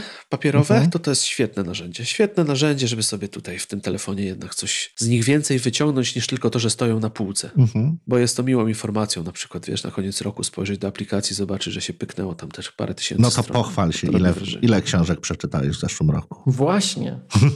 No Mało, mało. W zeszłym roku przeczytałem mało książek. Przeczytałem. Jedynie sześć książek przeczytałem w zeszłym roku. Niestety. A planowałem 12. Nie udało mi się. Ale mówimy tu o papierze, nie? Bo też na Kindlu. Mhm. Kindla tutaj nie mam, nie dodaję tutaj Kindla. Aha, tylko masz ten Kindle papierowy. Tak, tak. Mam tu papierowe, bo problem jest taki, że tu e, brakuje mi właśnie tej jednej rzeczy, ale nie wiem, jak można by to rozwiązać. Na Kindlu nie mamy stron. Tam mamy tą lokację. No tak. Tu tego nie ma, ciężko to określić, więc ciężko też trafić, gdzie jestem aktualnie na tym e-booku. Gdyby był jakiś sync między Kindlem a tą aplikacją, byłoby naprawdę miło. Mhm. Mam nadzieję, że nie ma, Właśnie o tym pomyślałem, że może jest. Ale chyba nie ma, więc tego brakuje. Dlatego tego nie dodaję. Mhm. Bo potem to jest takie celowanie, wiesz, nie jesteś w stanie wpisać, tylko musisz dodać, usunąć tą liczbę stron, żeby po Mhm, procentach mhm. możesz się ewentualnie odnieść, nie? Jasne. Także to jest na tyle, na tyle niewygodne. Ja używam Booksów i Kindla i Scarlet czasem, jak mam książki takie epubowe odblokowane Mhm. i to mi wystarcza. No właśnie, pytanie. Czy jeszcze u was funkcjonuje papier? Czy kupujecie książki papierowe po prostu? To jest pytanie. Tak, ale paradoksalnie zacząłem kupować albumy. Albumy papierowe. Czyli albumy papierowe, tak. Taki coffee table book. Aha, Na tej zasadzie aha. wychodzi bardzo dużo różnych takich, nawet niszowych y, wydawnictw na Kickstarterach, nie Kickstarterach, o różnej bardzo tematyce i w tą stronę za, zacząłem iść. Nie czytam książek papierowych, oglądam książki papierowe, słucham książek. Okej. Znaczy oczywiście no tam w tym, tym, tym, tym albumie też jest troszeczkę treści, ale, ale jednak no to jest, y, to jest, y, to jest album. Fotografie, malarstwo, tą stronę. Jak mówisz o albumie, to, to zawsze myślę o jednym albumie, o którym marzę. To pamiętacie, Apple wydało ten z produktami album kiedyś, ten, tę książkę. Głupi byłem, miałem go w ręku. Tam jest to zdjęcie tego zde- zdezelowanego iPhone'a, nie? Takie fajne te Tak, foty. to, tak, to tak, prostu tak. przepiękna rzecz. To właśnie na tej zasadzie Miałeś to w ręku, powiedz mi, że mogłeś to kupić. tak, Mogłeś? Nie mogłem, kupiłeś. nie kupiłem. Bo ja głupi Ja byłem. proponował ci się rozłączyć i... Mogę już iść, tak. No dobrze. tak. A jak to? A gdzie to było? To było do kupienia normalnie, bo już teraz nie pamiętam. W App Store'ach, w Apple Store'ach to było do kupienia. Chyba 200 dolców, ta ładniejsza wersja. A teraz ile? 2000? Czy to ważne? Może. A, ale to piękna rzecz, piękna rzecz. Teraz też fajna wychodzi książka Ken Kocjenta? Nie, nie, pewnie mylę. Shift, Shift Happens jest taka książka, powstaje. I to taki autor y, o polsko brzmiącym nazwisku. Nie, czy nie Kocjent? Nie. Mam go na Mastodonie. No i właśnie on jest o, książka o klawiaturach. Piękne zdjęcia, pięknie wydana. Marcin Wichary, Shift Happens jest taka książka. I to jest książka o pięknych właśnie, o, o klawiaturach, Mhm. e, z takimi różnymi fotkami. Coś niesamowitego. No to ja właśnie tego typu książki zbieram, powiedzmy. Tak, i to, to rzeczywiście takie albumy, to tak, to ja bym to się pokusił. Czyli papier nie, czyli to ja jestem papierowy mol jeszcze, zostałem ostatni. Dobrze, dobrze. Co zrobić? To teraz Remek, poproszę. Ja, słuchajcie, A jeszcze, To teraz audiobooki, tak. Coś mi oszło jeszcze też do papieru? To ja w kwestii książek zupełnie odwrotnie niż wy. Tak całkowicie inaczej. Ładnie, żeśmy się ustawili. Bo ja przede wszystkim książki, Mhm. ale przede wszystkim nie papierowe, czyli cyfrowe. Um, łącznie z tym, że czasem jakieś takie, słuchajcie, z różnych powodów potrzebne mi są książki, które nigdy nie wyszły w e-booku. Po prostu nie wyszły. To ja je ładnie kupuję, tnę, skanuję. Żeby mieć ze sobą w wersji cyfrowej, Mhm. E, bo ja wiem, że mi się przyda wersja cyfrowa, no a ona nigdy nie powstała. I dlatego na przykład e, takim wyrzutem patrzę na świat, bo ja na przykład byłem bardzo dużym takim uwielbiałem fanem, bardzo dużym fanem tego, co robił O'Reilly, jak wydawał książki jeszcze. a, to słynne książki. A od jakiegoś czasu to, Ze to zwierzętami. oni są tylko w abonamencie, Mhm. Ja oczywiście ten abonament płacę, ale uważam, że bardzo dużo straciły te książki w momencie, jak przestały być książkami. Jak przestało to być podzielone na strony i tak dalej, pomijając już to, że są książki, które musiałem kupić na papierze, bo oni to niby mają, tego się już nie da kupić w e-booku, a ja widzę, tak jak trochę jak Kuba wspominał, jak to czytam, że tam są błędy. Że to, co jest udostępniane w wersji cyfrowej, to jest jakaś lipa. No i co? I oczywiście kupiłem w jakimś amerykańskim antykwariacie, gdzieś tam przysłali mi, zanim mi to celnicy puścili i tak dalej. No i oczywiście, że są błędy, nie? Oczywiście, że są błędy. Przy nowych książkach to oczywiście tego efektu już nie ma, bo to jest od razu pod to przygotowywane. Cyfrowe oczywiście. Ale przy starych jak najbardziej. No plus to, że nie da się mieć tych książek. Przestajesz płacić, przestajesz mieć dostęp, nie? Także to jest trochę wredne i tu to mi się nie podoba. A ja jestem właśnie takim starym dziadem, pewnie się zdążyliście zorientować, że ja lubię przeczytać od początku do końca. Ja chcę dłuższą treść. Ja chcę tam, chcę to poznać, tak? Indeks na końcu też czytasz. Jak już. Tak. Każde słowo. No, Indeks, indeks, przepraszam, indeks, indeks może nie. Indeks może nie, ale na przykład ja Miłosz czytam sprawdza, te czy wszystkie wstępy. Te, te wszystkie, słuchajcie, wstępy takie, tak? Że to dla kogoś tam, bo powstało, bo coś tam, gdzie nawet jak czytacie książki na O'Reilly, to oni was przewijają za to już. Tak. Oni wam od razu dadzą treść, nie? A ja chcę tam, dlaczego to powstało, tu, tu, tu. Ja, ja chcę mieć cały experience. To tłumaczą. Tak jakbym poszedł na jakieś, nie wiem, na jakieś spotkanie, na jakieś zajęcia z tym autorem. Ja to traktuję cały czas jako taki transfer osobisty od tego człowieka do tego drugiego człowieka. No ale czasy są chyba przeciwko mnie. to przejdźmy teraz może do audiobooków, damy Kubie odpocząć chwilę. Tak jak mówiłem, ja czytam uszami, czyli słucham książek. Też wystrzegam się wszystkich serwisów abonamentowych, e, jeśli chodzi o książki. Wiem, że jest taniej. Wiem, że można wtedy słuchać do woli i oferta jest często, często nawet ciekawsza, natomiast e, ja zostałem przy dwóch serwisach właściwie, gdzie pozyskuję praktycznie 100%, przynajmniej z zeszłych lat, to może, no nie no, 99%, niech, niech, niech będzie. Książek to są, y, jeśli chodzi o Polskę, to jest y, nasza rdzenna audioteka, gdzie, która też ma jakiś tam system taki, że można, y, można płacić abonament, być w klubie audioteki, chyba tak się to nazywa. Nie korzystam z tego. Wszystkie książki, które, które od nich kupuję, kupuję najczęściej jako karnety, czyli raz w roku, czasem troszkę częściej kupuję karnet po prostu na chyba 20 czy 40 książek, 20 książek. I tak po kolei to jestem w stanie przez rok wykorzystać, zużyć. Y, jeśli chodzi o zagraniczne książki, jest to Audible, czyli Amazonowa aktualnie usługa. Y, oni również mają jakieś książki, które które można tam sobie w abonamencie y, przesłuchać, ale ja też kupuję. I staram się oprócz tego kupowania tych książek i oczywiście słuchania ich tych aplikacji producentów, bo są one stosunkowo wygodne, można od razu pobrać, nie trzeba y, jakby się zupełnie bawić z tym wszystkim, po prostu ściąga się, wydaje ten kredyt, nawet można to z aplikacji zrobić. Jeśli chodzi o Audible, Audioteka niestety nie dała radę tego przepnąć z Applem, trzeba się posiłkować stroną www, to staram się co jakiś czas, co roku najczęściej. Zwykle to była ta przerwa świąteczna w tym roku.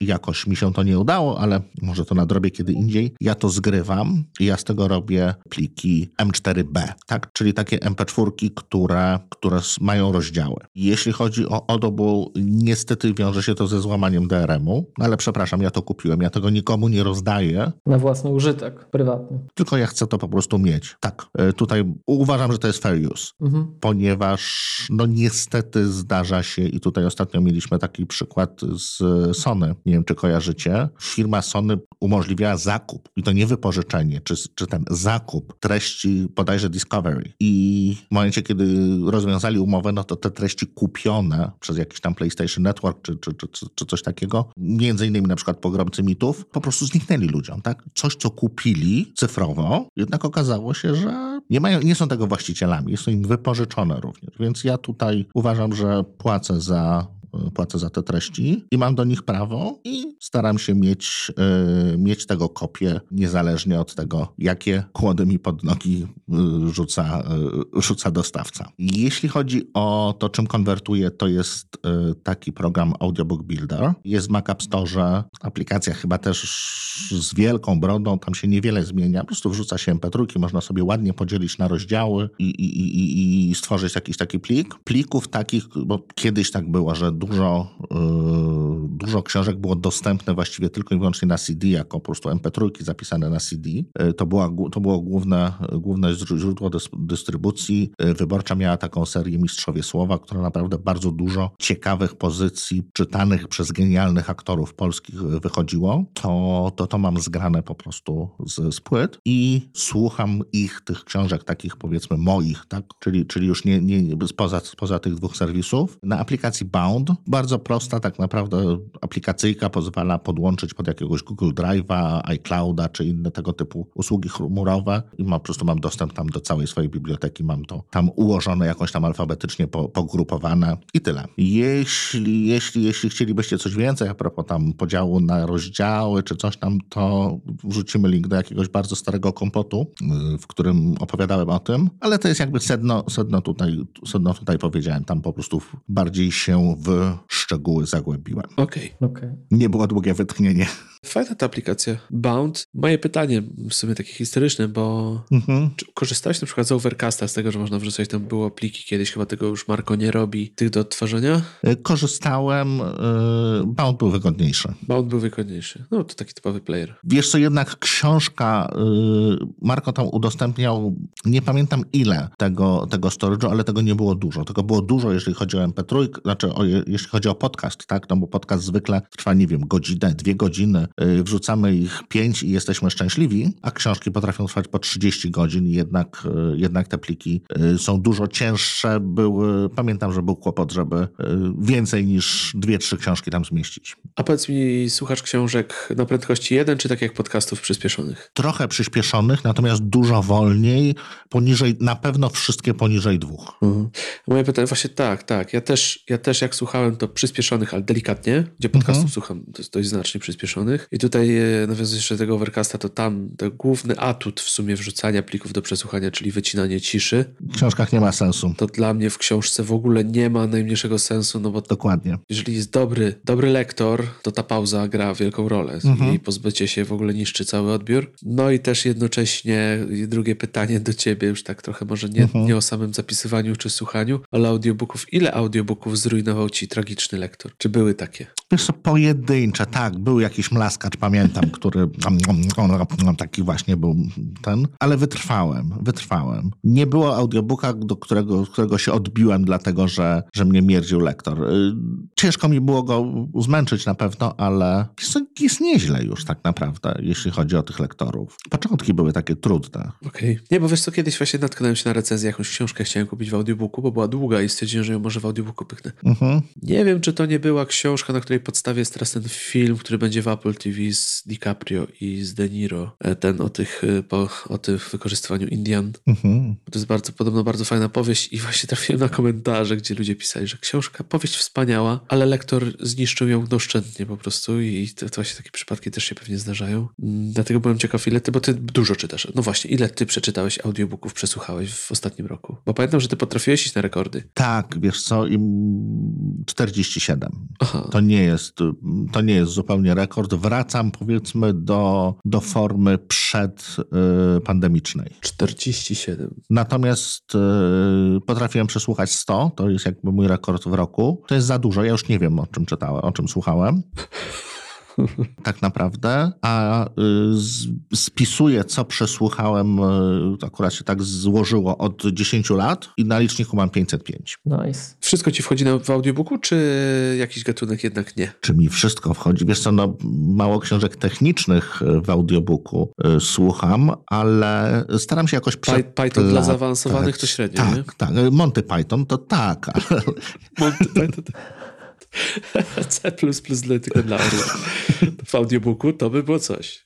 Tak, ale wiesz co, zdarzało mi się jakieś techniczne książki y, słuchać. Co to było? Coś o terminalu. Była jakaś taka właściwie zrobiona książka, jak kojarzę, z, tak, taka powiedzmy y, hobbystycznie napisana przez tam kogoś i to nawet się dało przesłuchać. Ale o lotniczym? Nie, terminalów, term, y, Unixowym terminalu. Run CMD.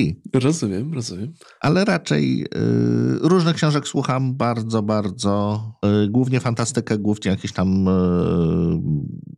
biografie, czy, czy, czy trochę historycznych rzeczy ostatnio, ale staram się przeplatać. A zdarza ci się na przykład, że chcesz coś sobie zapisać, jakieś cytaty? Czy nie? Czy jednak przy słuchaniu audiobooków to tak nie wchodzi za bardzo w grę? Mm, wiem, że nie mogę. Aha, bo... Ale tak, czasem cierpię, że nie mogę się tym fragmentem podzielić, tak wiesz, tak łatwo. No tak. Jadąc na hulajnodze 30 na godzinę, zapisywanie cytatów to nie jest najzdrowsze chyba zajęcie. Myślę, że tak. Myślę, że tak.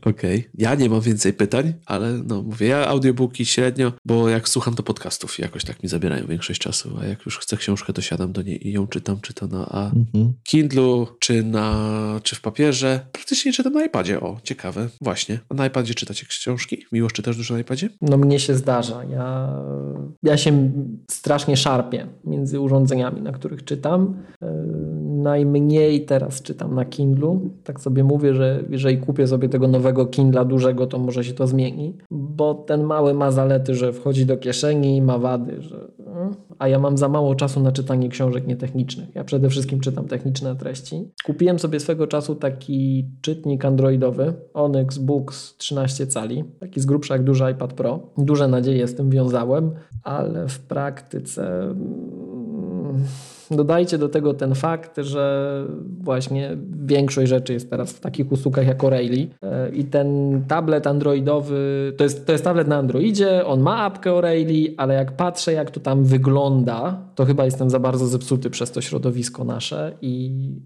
No i tak leży ten tablet androidowy. Także, także czytam, czytam, słuchajcie, na iPadzie, czytam na, na iPhone'ie i tu to gdzieś tam chyba właśnie w poprzednim odcinku temat się od tego zaczął. Ja siedzę przy tych wyświetlaczach cały czas.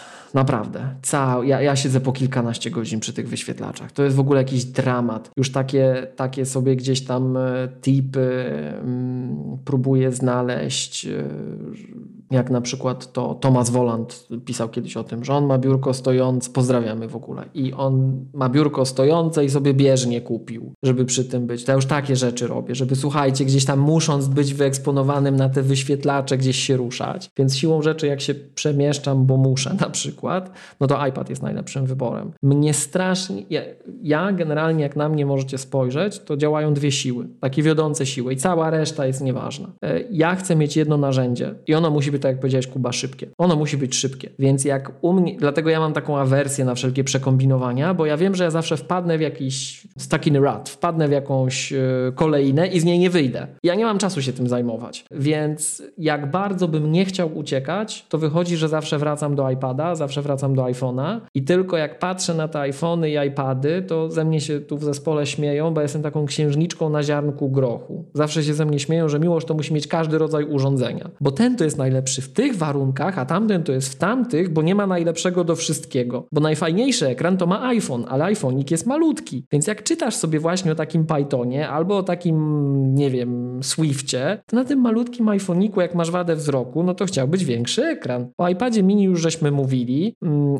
iPad średni jest spoko, jest taki wyważony, oczywiście Pro, nie R w moim wypadku, e, no ale jak go ze sobą zabrać, nie? Bo ja tak jak Remek jeżdżę hulajnogą albo MPK, i, i zawsze mi wszystko przeszkadza. Z kolei najfajniejszy w ogóle to jest ten duży iPad, ale ten duży iPad to jest znowu najcięższy. No i takie cudowanie. I aktualnie mam iPada mini piątej generacji jako swoje czytające urządzenie, to co mówiliśmy poprzednio, bo strikes a balance, tak? Doskonale wyważone urządzenie. Wchodzi do kieszeni spodni, malutkie, leciutkie, z lepszym ekranem niż aktualny iPad mini, więc tak to wygląda. I jak już wiecie, ja czasem robię zrzuty ekranu, czasem jak coś czytam, bo dużo niestety czytam w jakichś przeglądarkach, nie tylko książek, to sobie mogę zapisać do PDF-a. I tu przy okazji jedna z moich bolączek strasznych, która też pokazuje mój mindset. Nie wiem, czy kojarzycie, jak macie odpowiednio długą stronę internetową, którą chcielibyście zrzucić do PDF-a, to oczywiście, że iOS i iPadOS nie działa, bo przecież czemu miałby działać? Jak spróbujecie zrobić, to on wam ucina tą stronę po 30% i nikt z tym nie robi nic. Mamy czwarty release iOS-a i iPadOS-a, który to wspiera, jakby problemu nie było, nie? Jest apka firmy trzeciej, która to łata, no ale znowuż to jakiś gość gdzieś napisał. Ja tak de facto na tym urządzeniu mam ograniczone urządzenie, ograniczone możliwości sprawdzenia, mhm. co ta apka naprawdę robi pod spodem. No a przecież musi się komunikować z siecią, bo mi te treści pobiera i wysyła, nie? E, no to jak na przykład mam jakieś rzeczy takie, które naprawdę chciałbym przeczytać tak kulturalnie i sobie zrzucić wrzucić, a nie mogę, bo mam jakiś login, którym się nie chcę podzielić z deweloperem, którego nie znam, no to jest problem, nie? No i to właśnie tak narzekactwo mi się czasem włącza, bo to, to, to, jest, to jest to, co wam mówiłem, nie? A czy przeciążysz to? No taka prosta sprawa. Słuchaj, zrzut ekranu, niby tam możesz zrobić taki ładny, scrollowalny PDF-ik, aha, tylko nie działa. I charakterystyczne jest to, że gość, który zrobił apkę third party, która działa, to jak się wywali iOS-owy wbudowany generator strony, to się wywala w tym momencie i gościowi też się wywala w tym momencie. I dokładnie od tego momentu jest kolejna strona robiona u niego w apce, ale nie w systemie operacyjnym. E, no więc tak, czytam i narzekam i jęczę na takie dźgnięcia, słuchajcie. Nie? No ja jednak preferuję, ja preferuję Kindle. Ten e-ink to no, jest najbliższy kartce. Zazdroszczę ci. Też nie wali tak po oczach, także używam Paperwhite'a kupionego nie wiem kiedy, wciąż działa, ciągle ta bateria trzyma jakby była, nie wiem z czego zrobiona. Wyjąłem go z pokrowca, staram się, żeby się zepsuł, ale on nie chce. Także i, i tu jedna taka moja ciekawostka, że jak go kupowałem, to w życiu bym tak nie pomyślał, że kiedyś to stwierdzę, mhm. że on, na nim trzeba dotykowo przerzucać strony, a teraz wiesz, chciałbym go zmienić, żeby mieć fizyczne przyciski do przerzucania stron. Nigdy bym nie pomyślał, że to będzie rzecz, którą bym chciał, ale to jest naprawdę, uważam, że to jest podstawa. Ale czytasz nietechniczne książki. Tak, tak, tak, tak, tak, no, tak, tak. No, no tak, do tego jest, jest, jest, jest, jest wspaniały. Panowie, to moja dusza gadżeciarza po prostu teraz krwawi. Ja nie mam Kindla. Ja go nie potrzebuję. Ja nie czytam takich rzeczy i tutaj tutaj słucham was i zazdroszczę. Próbuję sobie znaleźć y, zastosowanie, co ja mógłbym na nim czytać, ale ja nie mam czasu na czytanie jako takie, więc, więc Kindle, no te albumy na Kindle nie będą piękne. No nie, nie, Ja nie, sobie- to na pewno nie.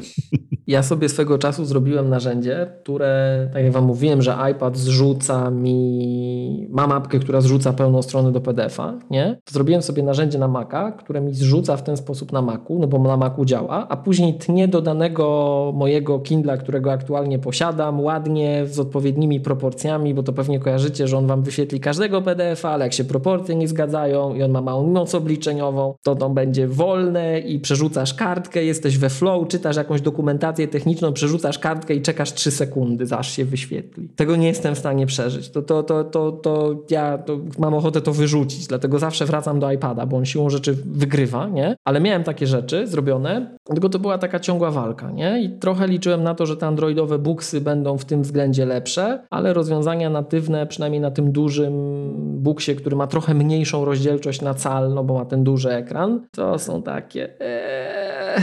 I pewnie trzeba by było kupić e, kilka tych buksów, mniejszy, średni, bo one są tak jak iPady robione w tych samych e, rozdzielczo- w tych samych wielkościach, popatrzeć co i jak i coś dobrać, albo nawet tego większego Kindla i sobie czymś takim robić, ale to za każdym razem nie jest żywe. Wiecie, czyta człowiek o tym, nie wiem, Pythonie czy Swiftie, nie? Chce sobie coś sprawdzić, aż krzyczy weź to sprawdź, odpal jakąś przeglądarkę, cokolwiek, sprawdź, weź kontekst, nie? No to te inki niestety trochę zostają w tyle. Przez jakiś czas cudowałem w taki sposób, że sobie na tych e-inkach odpalałem e, apkę, która była odbiornikiem AirPlay i de facto robiłem coś na iPhone'ie czy na iPadziku i czytałem na tym, ale to jak wiecie, jak jesteście wyczuleni na flow, no mój Boże, no, no, to się nie da, nie? No, więc, no, ja jestem taką tutaj księżniczką na ziarnku grochu, ubieram frustracjami, które innych może nie ruszają, ale Remek, mówię ci, jak się dobrze wkręcisz, tam możesz 100 tysięcy różnych podejść do tematu znaleźć. I nawet jako taki, wiesz, takie tinker projects, nie? Że tu sobie coś zrobię. No. Wcale nie musi być do czytania. Trzeba mieć za dużo czasu w życiu. Ostatecznie iPad wygrywa. Musi może być jako, jako, jako element koncepcji. No tak. Dobra, to co nam zostało? Muzyka chyba teraz. Tak. To znowu Kuba, nie wiem, od- wypocząłeś gardło. Nie wiem, jak tam panowie, czy wy muzyki słuchacie. Wiem, że Remek słucha, czy Miłosz pewnie nie ma czasu, bo słucha, słucha podcastów. Trochę słucham, ale ja w ogóle, słuchajcie, ja nie bardzo rozumiem o co tu chodzi, więc musicie mi powiedzieć, no bo ja słucham Apple Music i słucham Spotify. No tak. I koniec. Widzisz, ja jestem totalnym freakiem, jeżeli chodzi o muzykę. Tutaj to, to jest moja chyba absolutny nauk. I jest taki jeden deweloper, który nazywa swoją firmę Loop Apps i w jakiś czas temu, nie wiem, 2-3 lata temu zagospodarował obszar, którego jakoś dziwnie nikt wcześniej nie, nie, nie tutaj nie zaatakował. Głównie chodzi właśnie o to, jak radzić sobie z muzyką, zwłaszcza w czasach streamingu. Pierwszą rzecz, aplikacją od niego, y, jaką ja zainstalowałem i też pierwszą, o której mogę powiedzieć, jest Music Harbor. Mhm. To jest aplikacja, która robi najprostszą rzecz na świecie, czyli dodajesz do niej swoich ulubionych wykonawców i ona śledzi, czy wydali jakąś nową muzykę, czy to są single, czy to są albumy. Możesz sobie zrobić taką listę eee, po datach, wszystkie kooperacje, wszystko co się dzieje. Jest to oparte na API Apple Music. Tam to wszystko jest śledzone, więc niestety, jeżeli w Apple Music nie ma danego wykonawcy, tego nie zobaczycie. Mhm. Ale dla mnie rzecz niezwykle wygodna, bo po prostu nie przegapisz, wiesz, raz na dwa tygodnie wchodzisz, patrzysz, co tam twoi ulubieńcy znowu wypuścili lub nie wypuścili. Bezpośrednio stamtąd możesz sobie,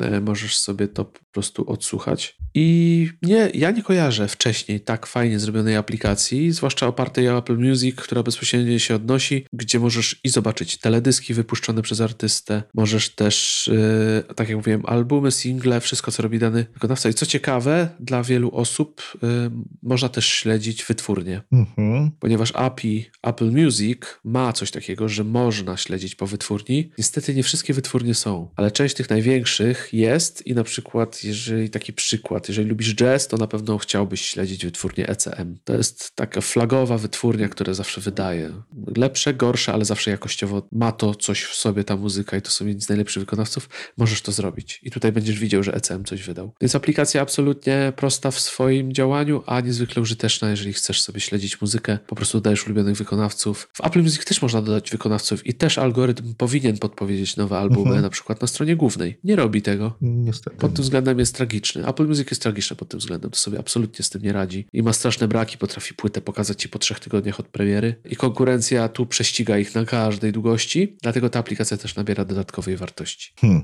Druga rzecz, to dla tych, którzy lubią się bardziej w muzykę zagłębić, to jest Music Smart. Trochę to zostało, jak to się mówi, Sherlocked by Apple? Sherlockowane, no. Tak, sherlockowane, y, ponieważ teraz Apple Music chyba w 17.1 dodało możliwość pokazywania twórców muzyki. Y, Słuchając a, utworu możesz wejść, tam jest taki odpowiedni pokaż autorów i widzisz, kto muzykę stworzył. Mhm. Dla mnie to jest rzecz o tyle ważna, że ja lubię sobie spojrzeć nawet na producenta, kto był producentem danego albumu, danej piosenki i to była rzecz fajna. Music Smart pozwalał na to przed dodaniem tej funkcji. Po prostu wchodziło się do tej aplikacji, zaznaczało się, że sprawdź mi dany utwór i on z baz danych wyciągał takie informacje. Do teraz jest lepszy niż to Apple'owe, bo Apple'owe czasami tej informacji w Apple'owej e, funkcji brakuje, a ten tutaj po prostu sprawdza nazwę piosenki i też przeszukuje jakieś ogólnodostępne bazy, więc można się dowiedzieć sporo więcej. Więc jeżeli ktoś e, chce sobie tutaj muzycznie swoją wiedzę poszerzyć, to aplikacja jest e, świetna. Nie jest to może do zapisywania, agregowania treści, ale do weryfikacji jak najbardziej. No i kolejną jest Music Box.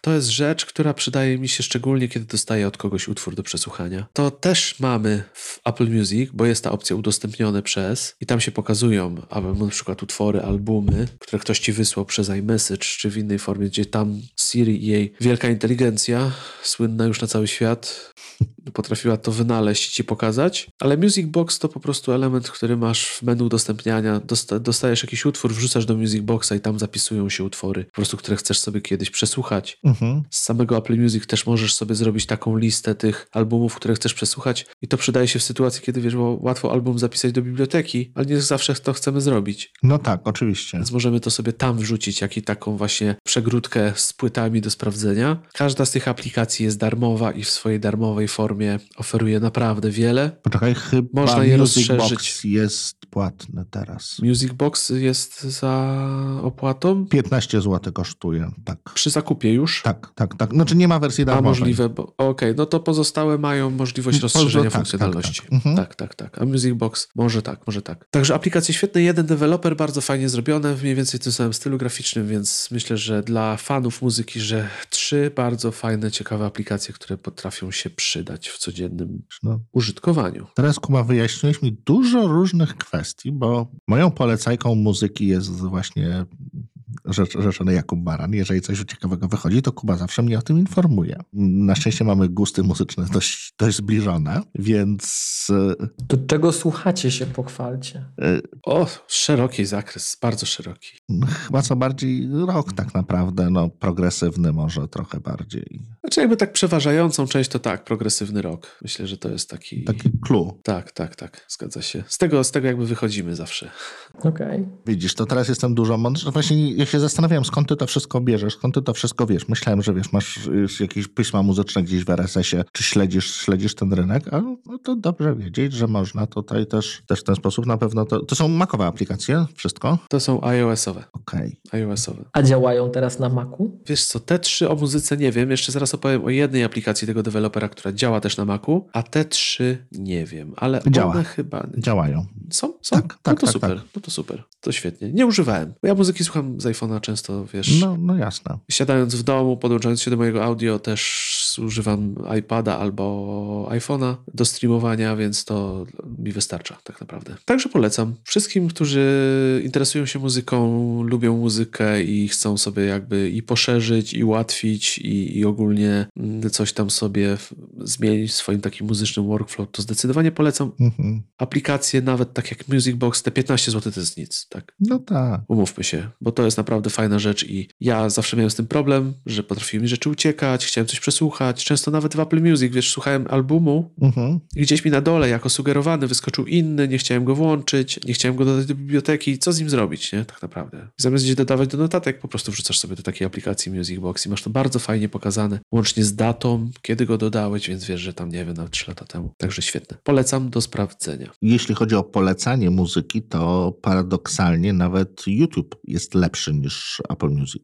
Jeśli chodzi o po- podrzucanie czegoś, co by się, jeżeli rzeczywiście tam się zacznie te teledyski oglądać, czy jakieś koncerty, to on całkiem ładnie potrafi zaproponować treści. Dużo lepiej niż Apple. A nie widziałeś zmiany ostatnio, Remek? Y, Która? W Apple Music nie widziałeś zmiany na plus? Bo ja tak prywatnie straszną zmianę odnotowałem jakieś, nie wiem, trzy miesiące temu, coś koło tego. On się, on, mam wrażenie, że to inny level się włączył w Apple Music. To nie, to nie, nie sprawdzałem. Ale mówisz o, poleca o polecajki, algorytmy? Tak, tak. Obserwując ciebie, co zaczyna mhm. podrzucać. Ja, tak, ja, ja u siebie widziałem tektoniczną zmianę. no to muszę się przyjrzeć temu. Ja bym to łączył nawet. Ja trochę straciłem nadzieję. Ja bym to nawet łączył z tym, że jakby odkry zaczęli odkrywać trochę, co ten algorytm ma pod spodem, bo dodali rzecz, której nie było, czyli na przykład, jeżeli masz playlistę, na dole pojawiają się sugerowane utwory do tej playlisty. Więc widać mniej więcej, jak on kojarzy daną na przykład grupę utworów, z jakimi utworami kojarzy. Więc jakby mniej zaczęli się może wstydzić tego algorytmu, więcej pokazują, bo nie widać tego jasno, bo kiedyś to było tylko i wyłącznie tam widać, no playlista, było widać coś do przodu, chyba tylko jeden utwór tak naprawdę. E, więc to się pojawiło, pojawił się nowy sposób przecież lajkowania utworów już z zewnątrz, tak, co też ma wpływ te playlisty, więc coś się mogło zmienić. Wiesz co, ja ostatnio tak, ja, ja rzadko polegam na algorytmach, jeżeli chodzi o polecanie, bo raczej sam sobie szukam, ale jeżeli chodzi o nowości i sugerowanie nowych wydawnictw, tych już znanych mi artystów, to niestety to kuleje. To to jestem tego pewien, że to kuleje. Okay. Na przykład ja używam Tidala ze względu na to, że mój sprzęt, jakby tam słucham muzyki w tym formacie MQA i Tidal to oferuje, to po, to, co Tidal podaje, jak szybko reaguje na to, co się w, na, na rynku pojawia, no i też te sugestie utworów, bo tam rzeczywiście w Tidalu zdarza mi się spojrzeć, w sugestie są na zupełnie też innym poziomie e, i Apple może już jest lepsze, ale nie, tego na razie chyba nie może osiągnąć, co zawsze mnie zastanawia, bo gdzie Tidal, a gdzie Apple ze swoimi środkami na to, żeby z tej usługi zrobić, zrobić coś niesamowitego i jednak to nie jest takie proste, wychodzi na to. Mimo, że przecież kupili Beats, tak? To było Beats Music bodajże, Dokładnie. które słynęło z tego, że tam była najlepsza kura, kura, kurowa, jak to się mówi? Że byli ci, że to były, nie były algorytmy, to były osoby, które tak, siedziały tak, i tak. potrafiły dobierać utwory, nie? To było taki jakby ten, tego Beats Audio clue ale idą w dobrym kierunku I, i, ja się cieszę, że widać, że coś robią, bo Apple Music było w takiej stagnacji i często nawet przez, przez parę odsłon systemu, tam poza wizualną stroną, niewiele się zmieniało. A teraz widać, że i to nowe lajkowanie, playlista z ulubionymi utworami, widoczne utwory sugerowane do playlist, to wszystko się zaczęło pojawiać i, i jakby ożyło, ożyło to Apple Music. Zresztą oni pewnie czują oddech na plecach. No tam jest przepychanka, jest, jest jednak duża, no bo to jest rynek było, nie było, na którym, którym Apple chce mocno powalczyć, tak, a cały czas y, mimo tego, że no, sporo inwestuje tak naprawdę w, w, w, rozwój, zostaje na większości rynkach z tyłu właśnie za, za Spotify'em. Tak? No tak, Spotify jednak nie daje się wygryźć. Tak. Ale bardzo dużo osób właśnie chwali algorytmy w Spotify'u i samą aplikację, szybkość, no bo Apple Music też się poprawiło. To się poprawiło, to mogę powiedzieć, że prędkość działania Apple Music, szybkość w, od, od naciśnięcia play do uruchomienia muzyki i ogólna responsywność interfejsu się poprawiła. To widać. To, to widać, bo to było straszne. Mhm. To rzeczywiście było takie webówka przerzucona do aplikacji, która potrafiła boleć, nie? gdzie tu Spotify i Tidal hulały. No, włączałeś, przełączałeś z albumu na album, wyświetlała się nagle od razu lista, od razu okładka, a po kliknięciu play włącza się muzyka instant. Nie? Także to dało się odczuć, ale to się poprawia. I to, mnie to cieszy, że to się poprawia, bo ja mam Apple Music w planie rodzinnym, u mnie wszyscy na Apple Music słuchają muzyki i dla mnie, wiesz, Tidal to jest w sumie tylko narzędzie takie, żeby tam posłuchać wyższej jakości. Także ja się cieszę, ja się cieszę. Nie wiem, czy coś jeszcze o muzyce? Nie, wydaje mi się, że Remek, a skąd mhm. ty masz te staty, że na większości rynków Spotify jest przed Apple Music? Wiesz co, musiałbym poszukać, tak mi się wydawało, że... Yy... Ale widziałeś to gdzieś? Tak, tak.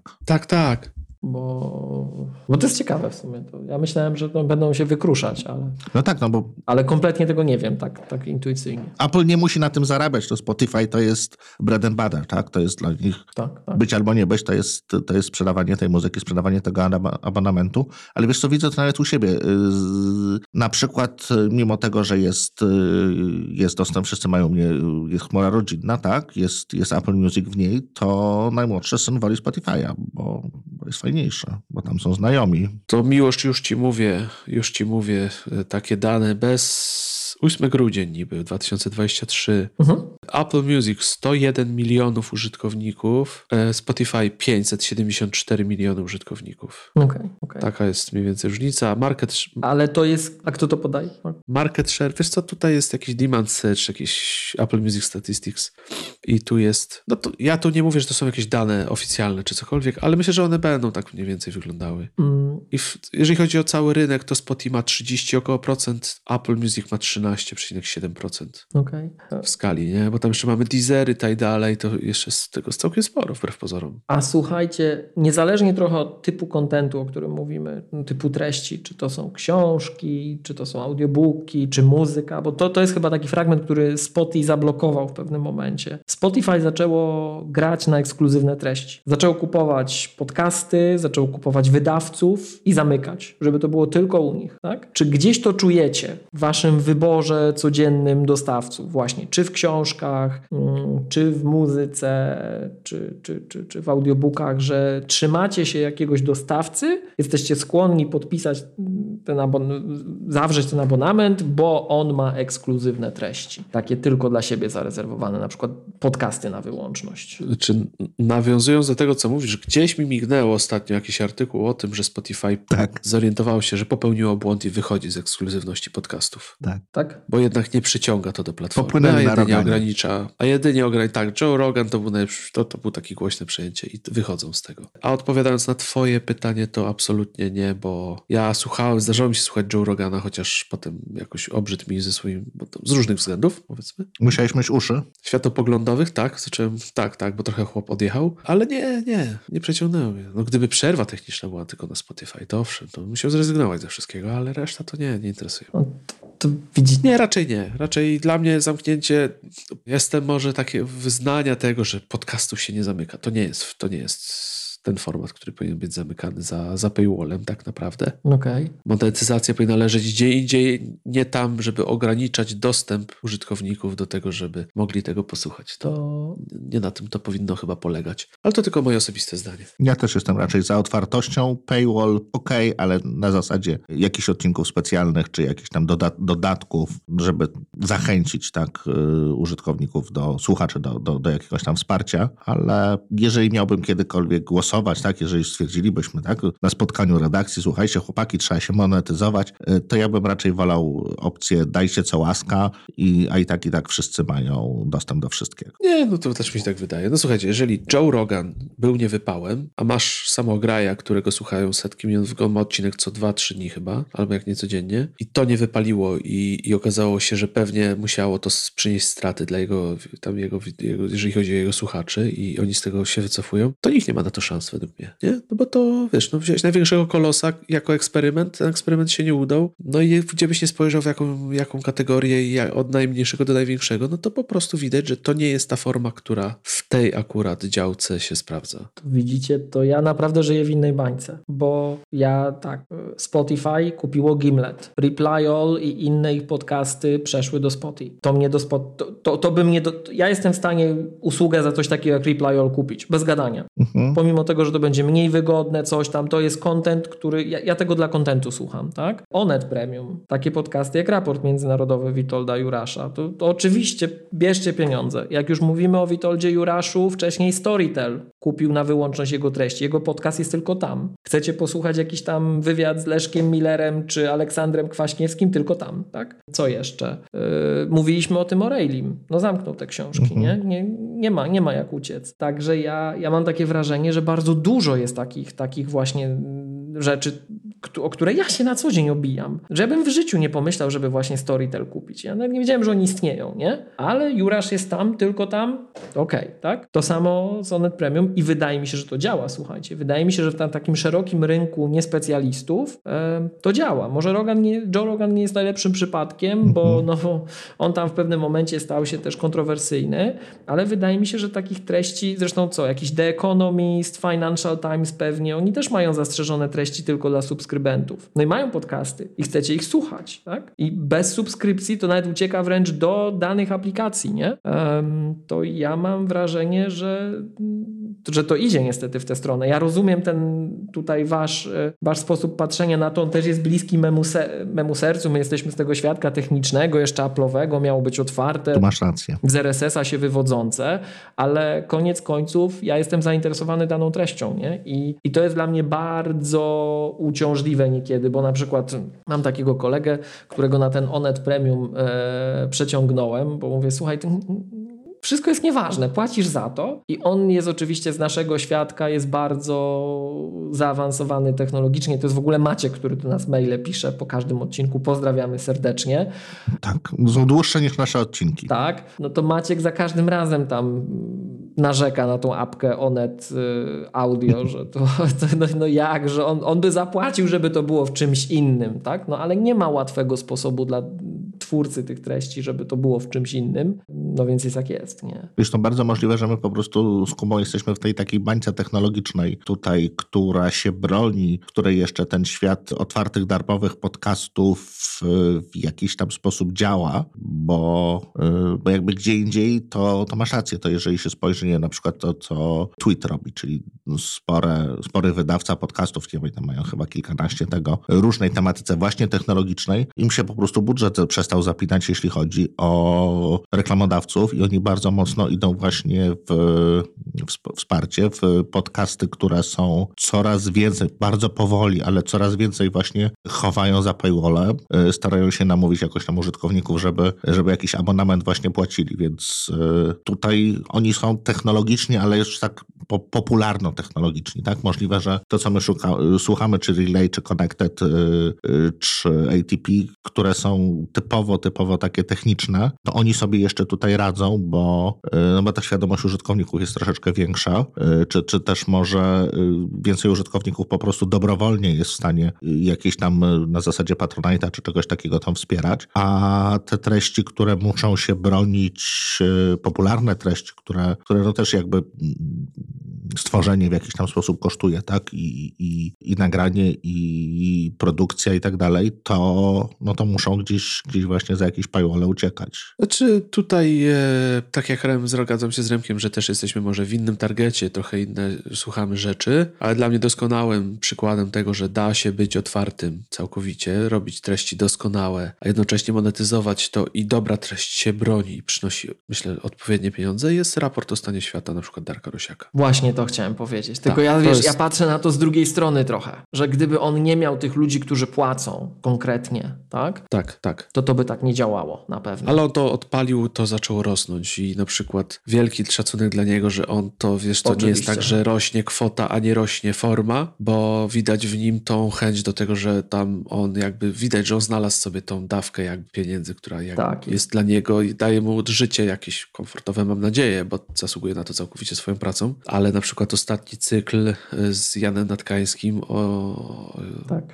Tak, to jest o, o świecie arabskim. O świecie arabskim, No to tak. jest po prostu Mistrzostwo Świata. To, to jest materiał, który mógłby być sprzedawany za olbrzymie pieniądze w mojej ocenie, wiesz, na audiotece, gdziekolwiek za abonamentem zamknięte za czterema ścianami i to, że to jest otwarte i każdy może tego posłuchać. Wiesz, słuchając tego głupio uważam jest nie płacić za te treści po prostu już tak mentalnie, nie? Dosłownie. Tak, tak.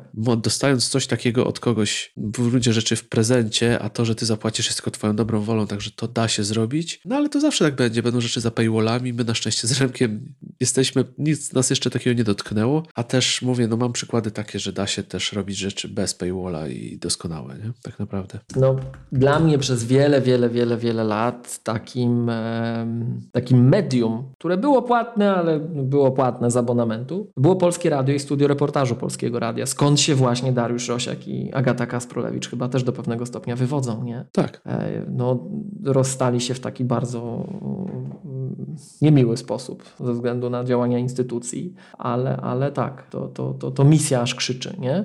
Natomiast słuchajcie, my nie mówiliśmy w ogóle o, e, takie mam wrażenie, o gazetach, a takim przykładem właśnie tego, wiecie, pogrodzenia są przecież gazety. To w jaki sposób one wyewoluowały do tej ery cyfrowej. E, że nie wiem, wyborczą to sobie kupujesz tak, Rzeczpospolitą inaczej, Dziennik Gazetę Prawną jeszcze inaczej, wprost, Newsweek, każdy sobie rzepkę skrobie, żyje w swoim mikrokosmosie. Tak? Czy treści są oferowane przez e, apkę, czy możesz albo nie możesz, w jaki sposób, w jakim abonamencie, na jakich zasadach kupić odpowiednik tej drukowanej gazety w PDF-ie bądź czymś zbliżonym. Mhm. To jest dopiero dziki zachód, nie? Czytacie cyfrowe gazety? Nie. Nie. Nie czytam cyfrowych gazet. Wiesz co, może to zabrzmi teraz bardzo źle, ale trudno.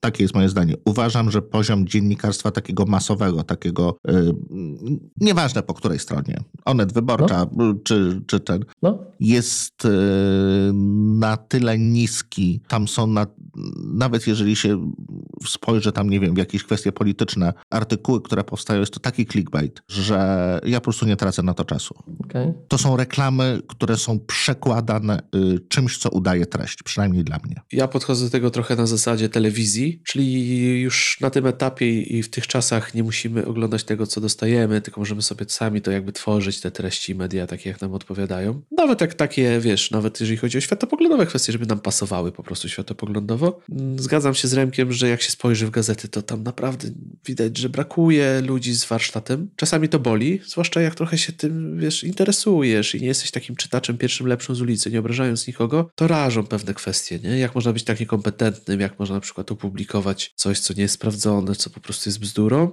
I jeżeli chodzi o... Ja nie czytam czasopism, nie czytam gazet, w ogóle nie zaglądam. Jest tylko jedno czasopismo, które interesuje mnie, co jakiś czas sobie zajrzę, co jakiś czas kupię, to jest pismo, ale to jest magazyn, który je, ma tak wysoką jakość, że to jest naprawdę według mnie wielki szacunek do tego, że ktoś to jeszcze wydaje, to się sprzedaje i ktoś jeszcze robi taki magazyn w ogóle. Okej, okay, okej. Okay. Ja nie do końca się zgodzę z tym, z tym co, co, co mówicie, yy, z tym, co Remek gdzieś tam wskazał. W takim mainstreamie to to widzę. I przy, były takie tytuły, może nie będę ich wymieniał, które gdzieś tam jeszcze, nie wiem, jak studia zaczynałem, to mi się wydawało, że to są wartościowe tytuły, a później właśnie przez pryzmat tej naszej bańki, tak jak wy, dokładnie tak jak wy to sprawdziłem, mhm. że jeżeli oni w innych tematach piszą z taką samą dokładnością jak w naszym, to to nie ma sensu. To kompletnie nie ma sensu. Ale z drugiej strony, nawet wśród tych tytułów, czasem są, słuchajcie, nie wiem, jakieś takie mm, teksty z takiego zakresu socjologii na przykład, takie o społeczeństwie, tak? Trochę czasem ekonomii na przykład w tym. Mhm. No to ja nie wiem, kto ma o tym pisać i kto się na tym zna. I gdzie znaleźć te treści bardziej wartościowe w postaci innej niż książka. Bo książka to już żeśmy mówili, tak. ja bardzo chętnie czytam, tak? Ale, ale to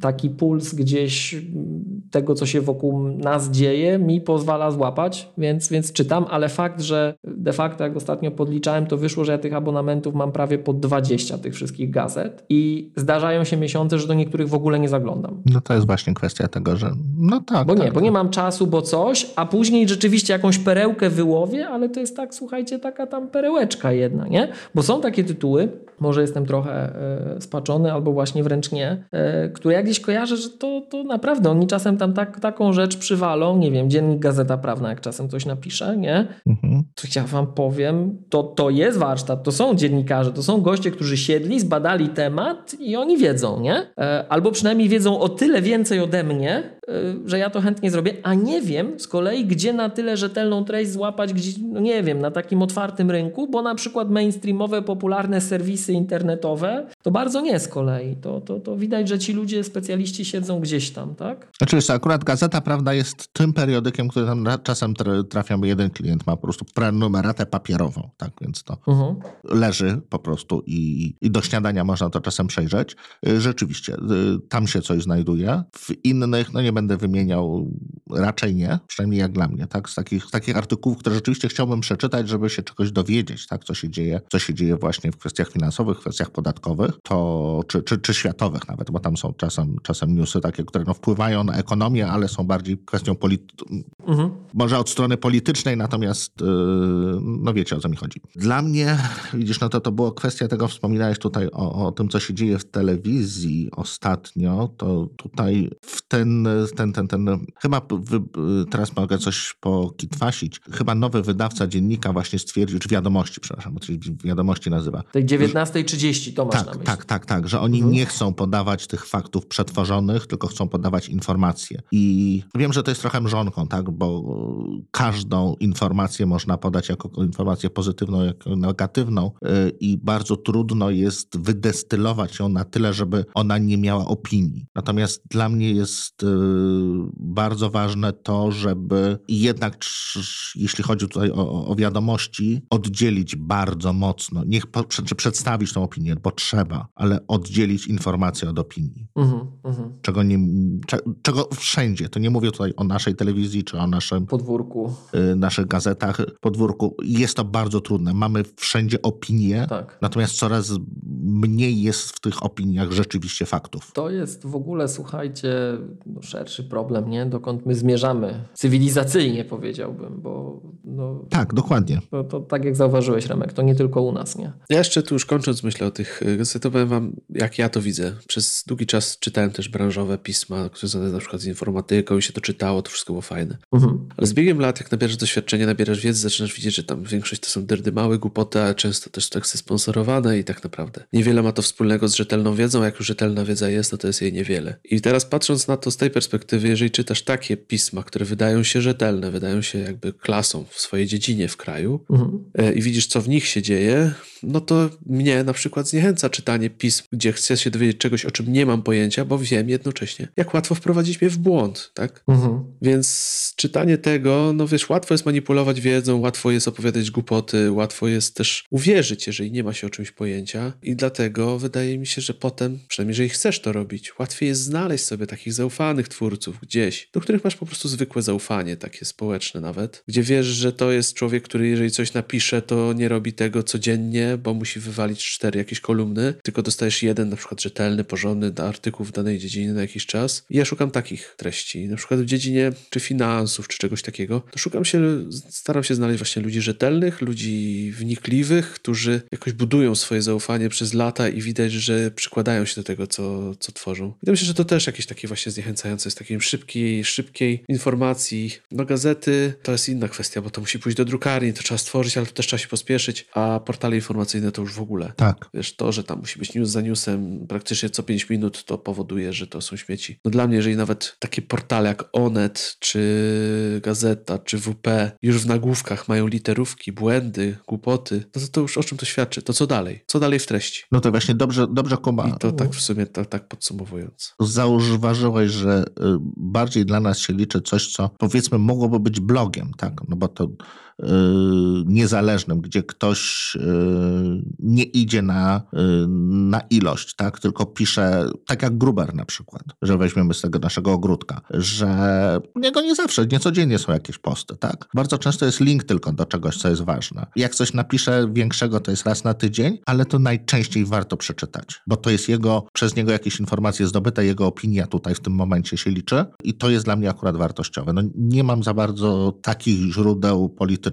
czy, czy gospodarczych, chyba niestety, więc, więc tego nie śledzę. A nie boicie się w tym wszystkim, e, przepraszam, takich, Mhm. takiego wpadnięcia w tę bańkę? Bo w momencie, jak sobie typujecie gościa, który wam będzie to filtrował, to siłą rzeczy on dokonuje dla was tej oceny. I często takie, jak już mówimy o, zarząd- o czytaniu treści, o pozyskiwaniu treści, na ile wy sobie zostawiacie takiego świadomego luzu na kontrę, na przypadek, na to, żeby przeczytać celowo coś, co jest odwrotnie zupełnie w kierunku, w którym dotychczas myśleliście. Bo inaczej będziecie się utwierdzać tylko w swoim przekonaniu. Nie, w, mo- w mojej jakby... Albo tym, kto, co wam ktoś filtruje. W Nie? mojej wrodzonej nieufności jest tak, że jeżeli znajdę sobie jakiś temat, to na pewno nie będzie to jedna osoba. Znajdę sobie kilka i najlepiej, jeżeli właśnie oni się konfrontują ze sobą. Okej. Bo to oznacza, że to jest tutaj różne spojrzenie i wiesz, bo znalezienie, znalezienie trzech identycznie mówiących na dany temat, tak? No już upraszczam tutaj, po prostu śpiewających w tę samą piosenkę. Mhm. Nie jest, nie jest to trudne, ale znaleźć sobie trzech dobrych merytorycznie gości, którzy potrafią się skontrować, często nawet nawiązując do siebie, ale jednocześnie walczą argumentami i merytoryką i to buduje obraz. I to mi buduje mój obraz, bo ja wtedy jestem w stanie stworzyć swój pogląd, mając jeszcze kilka innych, a na pewno nie, nie interesuje mnie, wiesz, znalezienie sobie guru, bo mając w danej dziedzinie jednego gościa, robisz sobie guru. To tak, to na A pewno. to tak nie, można, nie? Bo to Mhm. wiadomo, to już, jest, to już jest sekciarstwo, a nie No informacja. a na, przykład, a na przykład w tych takich, bo wiecie, tam gdzie my siedzimy, gdzie my wiemy co się dzieje, to jest łatwe. Nie? Tak. Trudne jest tam, gdzie nie wiemy. Zgadza się. No i na przykład, nie wiem, jak o tych ekonomicznych aspektach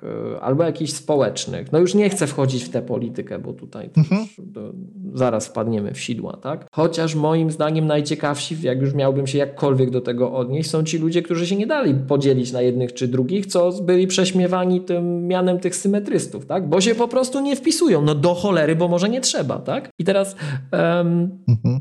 Ja, ja mam z tym zawsze duży problem, tak? Żeby właśnie gdzieś sobie zostawiać ten taki, nie wiem, w cudzysłowie 10% na przypadek. Ale jak już mi się ten przypadek przytrafi, czy wręcz takie w drugą stronę opinie, to żeby za tym pójść. Żeby się też nie, nie, no nie zrazić, tylko żeby na to stracić ten czas, nie? Bo to gdzieś buduje. Ale najtrudniejsze, tak jak, tak jak ja tu różne rzeczy gdzieś tam sobie czasem czytam, obserwuję, oglądam, to są właśnie te kwestie, na których ja się nie znam. Gdzie ja nie wiem, gdzie się przykleić, do czego, do jakiego nurtu, nie? I to siłą rzeczy na ogół chyba nie są takie bardzo naukowe sprawy, chociaż i tutaj można by było. No takim nie wiem, czy wy, wy na to zwróciliście uwagę, ale coś, co ja odnotowałem, jak Anand poszedł pracować do Apple'a, Tak, to żeśmy trochę stracili głosu, nie? oczywiście. Trzeba bardzo głośno krzyczeć w tej studni, żeby być usłyszanym. No to, to, to, to było taki, to był taki głos Jak- ciekawy, jak nie? Idący w kontrze. Jak to mówi stare powiedzenie, kochaj, ale sprawdzaj. No tak, no tak. Tylko wiesz, no bardzo łatwo się w tym momencie w taką troszeczkę zapędzić, tak? No bo jeżeli e, kochaj, ale sprawdzaj, to no to co? No to obejrzymy sobie wiadomości na jednym programie u nas, wiadomości na drugim programie u nas, żeby było jeszcze szeroko, no to CNN, Foxa, no warto też Al Jazeera zobaczyć, co ma, bo to też jest, czemu nie, come on. Zobaczmy jeszcze, co mają do tego Brytyjczycy i Niemcy do powiedzenia, no i co, no trochę życia nie starczy, żeby to, T- tak, tak, tak, to jest ten problem. żeby mieć tak. rzeczywiście szeroki... Oczywiście, że tak, tak, tak. Znaczy wiesz, zawsze znajdziesz inny punkt widzenia, więc to się nie da, to jest niekończąca się opowieść. Ale znaleźć sobie trzech, jak, znaczy trzeba sobie jakoś to dywersy- dywersyfikować, ale z drugiej strony jak ktoś ma ochotę i znalazł sobie gościa, który mu totalnie leży i na przykład odpowiada jego poglądom, opowiada mu to, co chce i sprawia mu to przyjemność i radość, to każdy ma do tego też prawo, nie? Tak naprawdę. Tam jest wygodnie, tam jest miło. Wszystko zależy, wiesz, od, tam jest miło, cieplutko i może, wiesz, ktoś tego potrzebuje i dlaczego nie? Ja nie mam nic przeciwko. Byle to potem nie przeszło po prostu, wiesz, w, jakiś obr- w jakąś wersję, że to się obraca przeciwko komuś, nie? Bo ja właśnie nie lubię tego, kiedy ktoś daje się manipulować po prostu, bo jest ciepło, miło i przyjemnie, a to też jest łatwe. I zastanawiam teraz, wiecie, sobie teraz zastanawiam, jak od muzyki przeszliśmy do tego tematu. Przez te gazety, przez te gazety i Wszystko przez te Przez te gazety. gazety. To jest, to to jest urok, Gazety i urok, urok czasopisma. przerwy technicznej. O właśnie. Tak, lub. Lub, tak. I lub. Urok przerwy technicznej. Nigdy nie wiesz, czego się spodziewać. To może jeszcze coś na koniec y, w temacie już jeszcze tych, tych gazet i lub czasopism. Fajnie jest, czyli tak jak ja miałem okazję, y, czy, czy spróbować, tak, uczestniczyć w jakimś wydarzeniu, tak? Mhm. Nieważne jakim tak naprawdę, ale szeroko gdzieś tam znanym, pójść zobaczyć, co się tam dzieje, samemu. Mhm. I potem odrobić tą prasówkę, obejrzeć właśnie ten, y, te, te wydania w kilku różnych źródłach. Y, I tam, gdzie będzie pozytywnie to prze, przedstawione, i tam, gdzie będzie to negatywnie przedstawione, i zobaczyć, co się widziało na własne oczy. I myślę, że to co jakiś czas daje ogląd przynajmniej, że tym to jednak nie ufamy całkiem, a tamci, no, mniej więcej są zbieżni z tym, co widzieliśmy z naszą prawdą, no bo każdy ma swoją. Ale tu pełna racja. To uczestniczenie w wydarzeniu, które potem jest relacjonowane, to jest w ogóle abstrakcja, bo to z poziomu chodnika wygląda zupełnie inaczej niż z poziomu Tak, kamery, nie? tak, Takiej tak, telewizyjnej na przykład. To jest niesamowite, jak to inaczej wszystko wygląda. Nieważne, czy się zgadzasz z tymi ludźmi, czy nie. Iść to zobaczyć. Tak, tak, tak. To też pozwala sobie wyrobić opinię. Dokładnie tak. Sprawdzaj, było sprawdzaj. Wszystko się zgadza. Kochasz, to sprawdzaj, tak. Słuchajcie, jeszcze kończąc ten, myślę, e, tą tre, bo mamy jedną rzecz, o której nie powiedzieliśmy, a myślę, że nie chciałbym jej pominąć, jeżeli chodzi o agregację treści. Oczywiście. to zostało nam jeszcze wideo. I tutaj kolejna aplikacja tego samego dewelopera co Music Harbor, Music Smart i Music Box, aplikacja Play. Doskonała aplikacja do przechowywania filmów z YouTube'a, z innych źródeł, jeżeli chodzi o wideo. Ja jej używam, bo po prostu, jeżeli coś jest na YouTubie, co chcę obejrzeć, gdzieś trafię na link z YouTube'a, Mhm. po prostu kopiuję ten link, wrzucam do Play, bo wchodząc do tej aplikacji, wiecie, nie narażam się na to, że algorytm mnie zaatakuje 40 filmami, które prawdopodobnie mnie zainteresują i za 6 godzin obudzę się oglądając, jak umarł Aleksander Wielki. Tylko po prostu oglądam to, co chcę. Można tam też segregować filmy, dodawać hasztagi, widać, co się obejrzało, co jest do obejrzenia i co szczególnie lubię, to najnowszą opcję, czyli dodawanie subskrypcji, czyli można sobie dodać kanały, które chcemy, żeby automatycznie do tej aplikacji wpadały najnowsze filmy bez wchodzenia na YouTube'a. Jest to rzecz doskonała. Serdecznie wszystkim polecam. Aplikacja, ta aplikacja na pewno pewno jest na macOSie i na iOSie. Koniecznie y, daj linka w opisie odcinka, żebyśmy trafili, bo nazwa Play jest mało wyszukiwalna. Ja myślę, że do wszystkich aplikacji po prostu damy linki do App Store'a, żeby było najłatwiej, także tu to wszystko przygotujemy, Mhm. żeby można było. Ten, nie przedłużając, Jakbym był złośliwy, to bym powiedział, że jak Swift. myślę, że warto, warto. Tak, tak. A także tutaj polecam. Nie wiem, czy znacie tę aplikację? Nie. Nie. Nie znacie. No to poznaliście. To myślę, że myślę, że warto. Okej.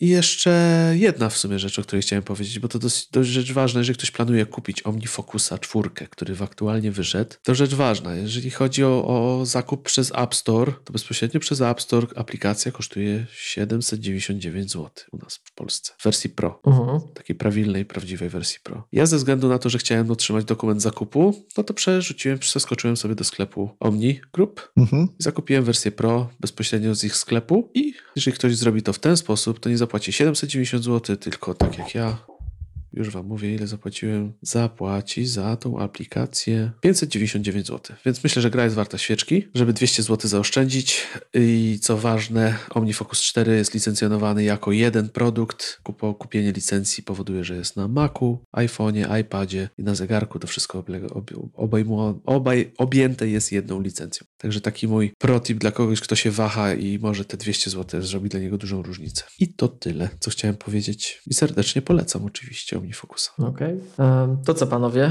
Kończymy, czy jeszcze chcecie coś technicznego dorzucić na koniec? Nie, myślę, że już tutaj kończymy. Ja myślę, że my byśmy mogli jeszcze z dwie godziny pociągnąć, jakbyśmy się tutaj skupili, ale myślę, że już wystarczy. No dobrze, to słuchajcie, wyszło tak powyżej dwóch godzin. Myślę, że na start wystarczy. Trzymamy uczciwie, tak? Trzymamy formę. Wstęp zrobiliśmy. E, czytam, czytamy, słuchajcie, wasze komentarze. Czytamy, że może niech nie będzie krócej, więc jak widzicie, póki co udaje nam się sprostać. Bardzo słuchajcie, dziękujemy za te wspólnie spędzone ponad dwie godziny. A mówili dzisiaj do was. Kuba Baran. Jeszcze chciałbym tylko dodać, że temat tutaj poruszyliśmy jeżeli chcecie, to czekamy na maile, informacje, jakich wy aplikacji używacie, bo to też będzie ciekawe. Może coś, czego nie znamy i coś ciekawego. A za dzisiaj dziękuję, także do usłyszenia. Najwięcej się dzisiaj Kuba wymęczył, tak dokładnie. Yy, Remek Rychlewski również yy, asystował, bardziej przeszkadzał niż pomagał pewnie. Pytał i szukał dygresji. Miłosz Staszewski z K7. Do usłyszenia. Dzięki. Pa. Cześć. Dzięki, trzymajcie się, cześć. Poszło. Nagrywam. Ja też, spoko, dobra. To się poskłada. Woda mi się przyda. Nie pozwolimy... No mów, mów. To co, to, to może nim ci pozwol... pozwol... Przepraszam. Dobra, Miłoszu, jakieś pytania? Jakieś pytanie, jutro odpowiedź? Myślę, nie wiem, nie wiem, słuchajcie. Yy, a powiedz, Fuck. O, teraz będziemy explicit. wy... Dobrze, to co... Mów, jeszcze chcesz dokończyć, Miłosz? Słucham? To na pewno. Mhm. Pięć razy... No, mów, mów, proszę. Mów. Nie, wyjawę się. U ciebie też się zmroził? Ja się zastanawiałem, czy u mnie zerwało, ale to Kuba chyba, no. Nie, to Kuba się zerwał.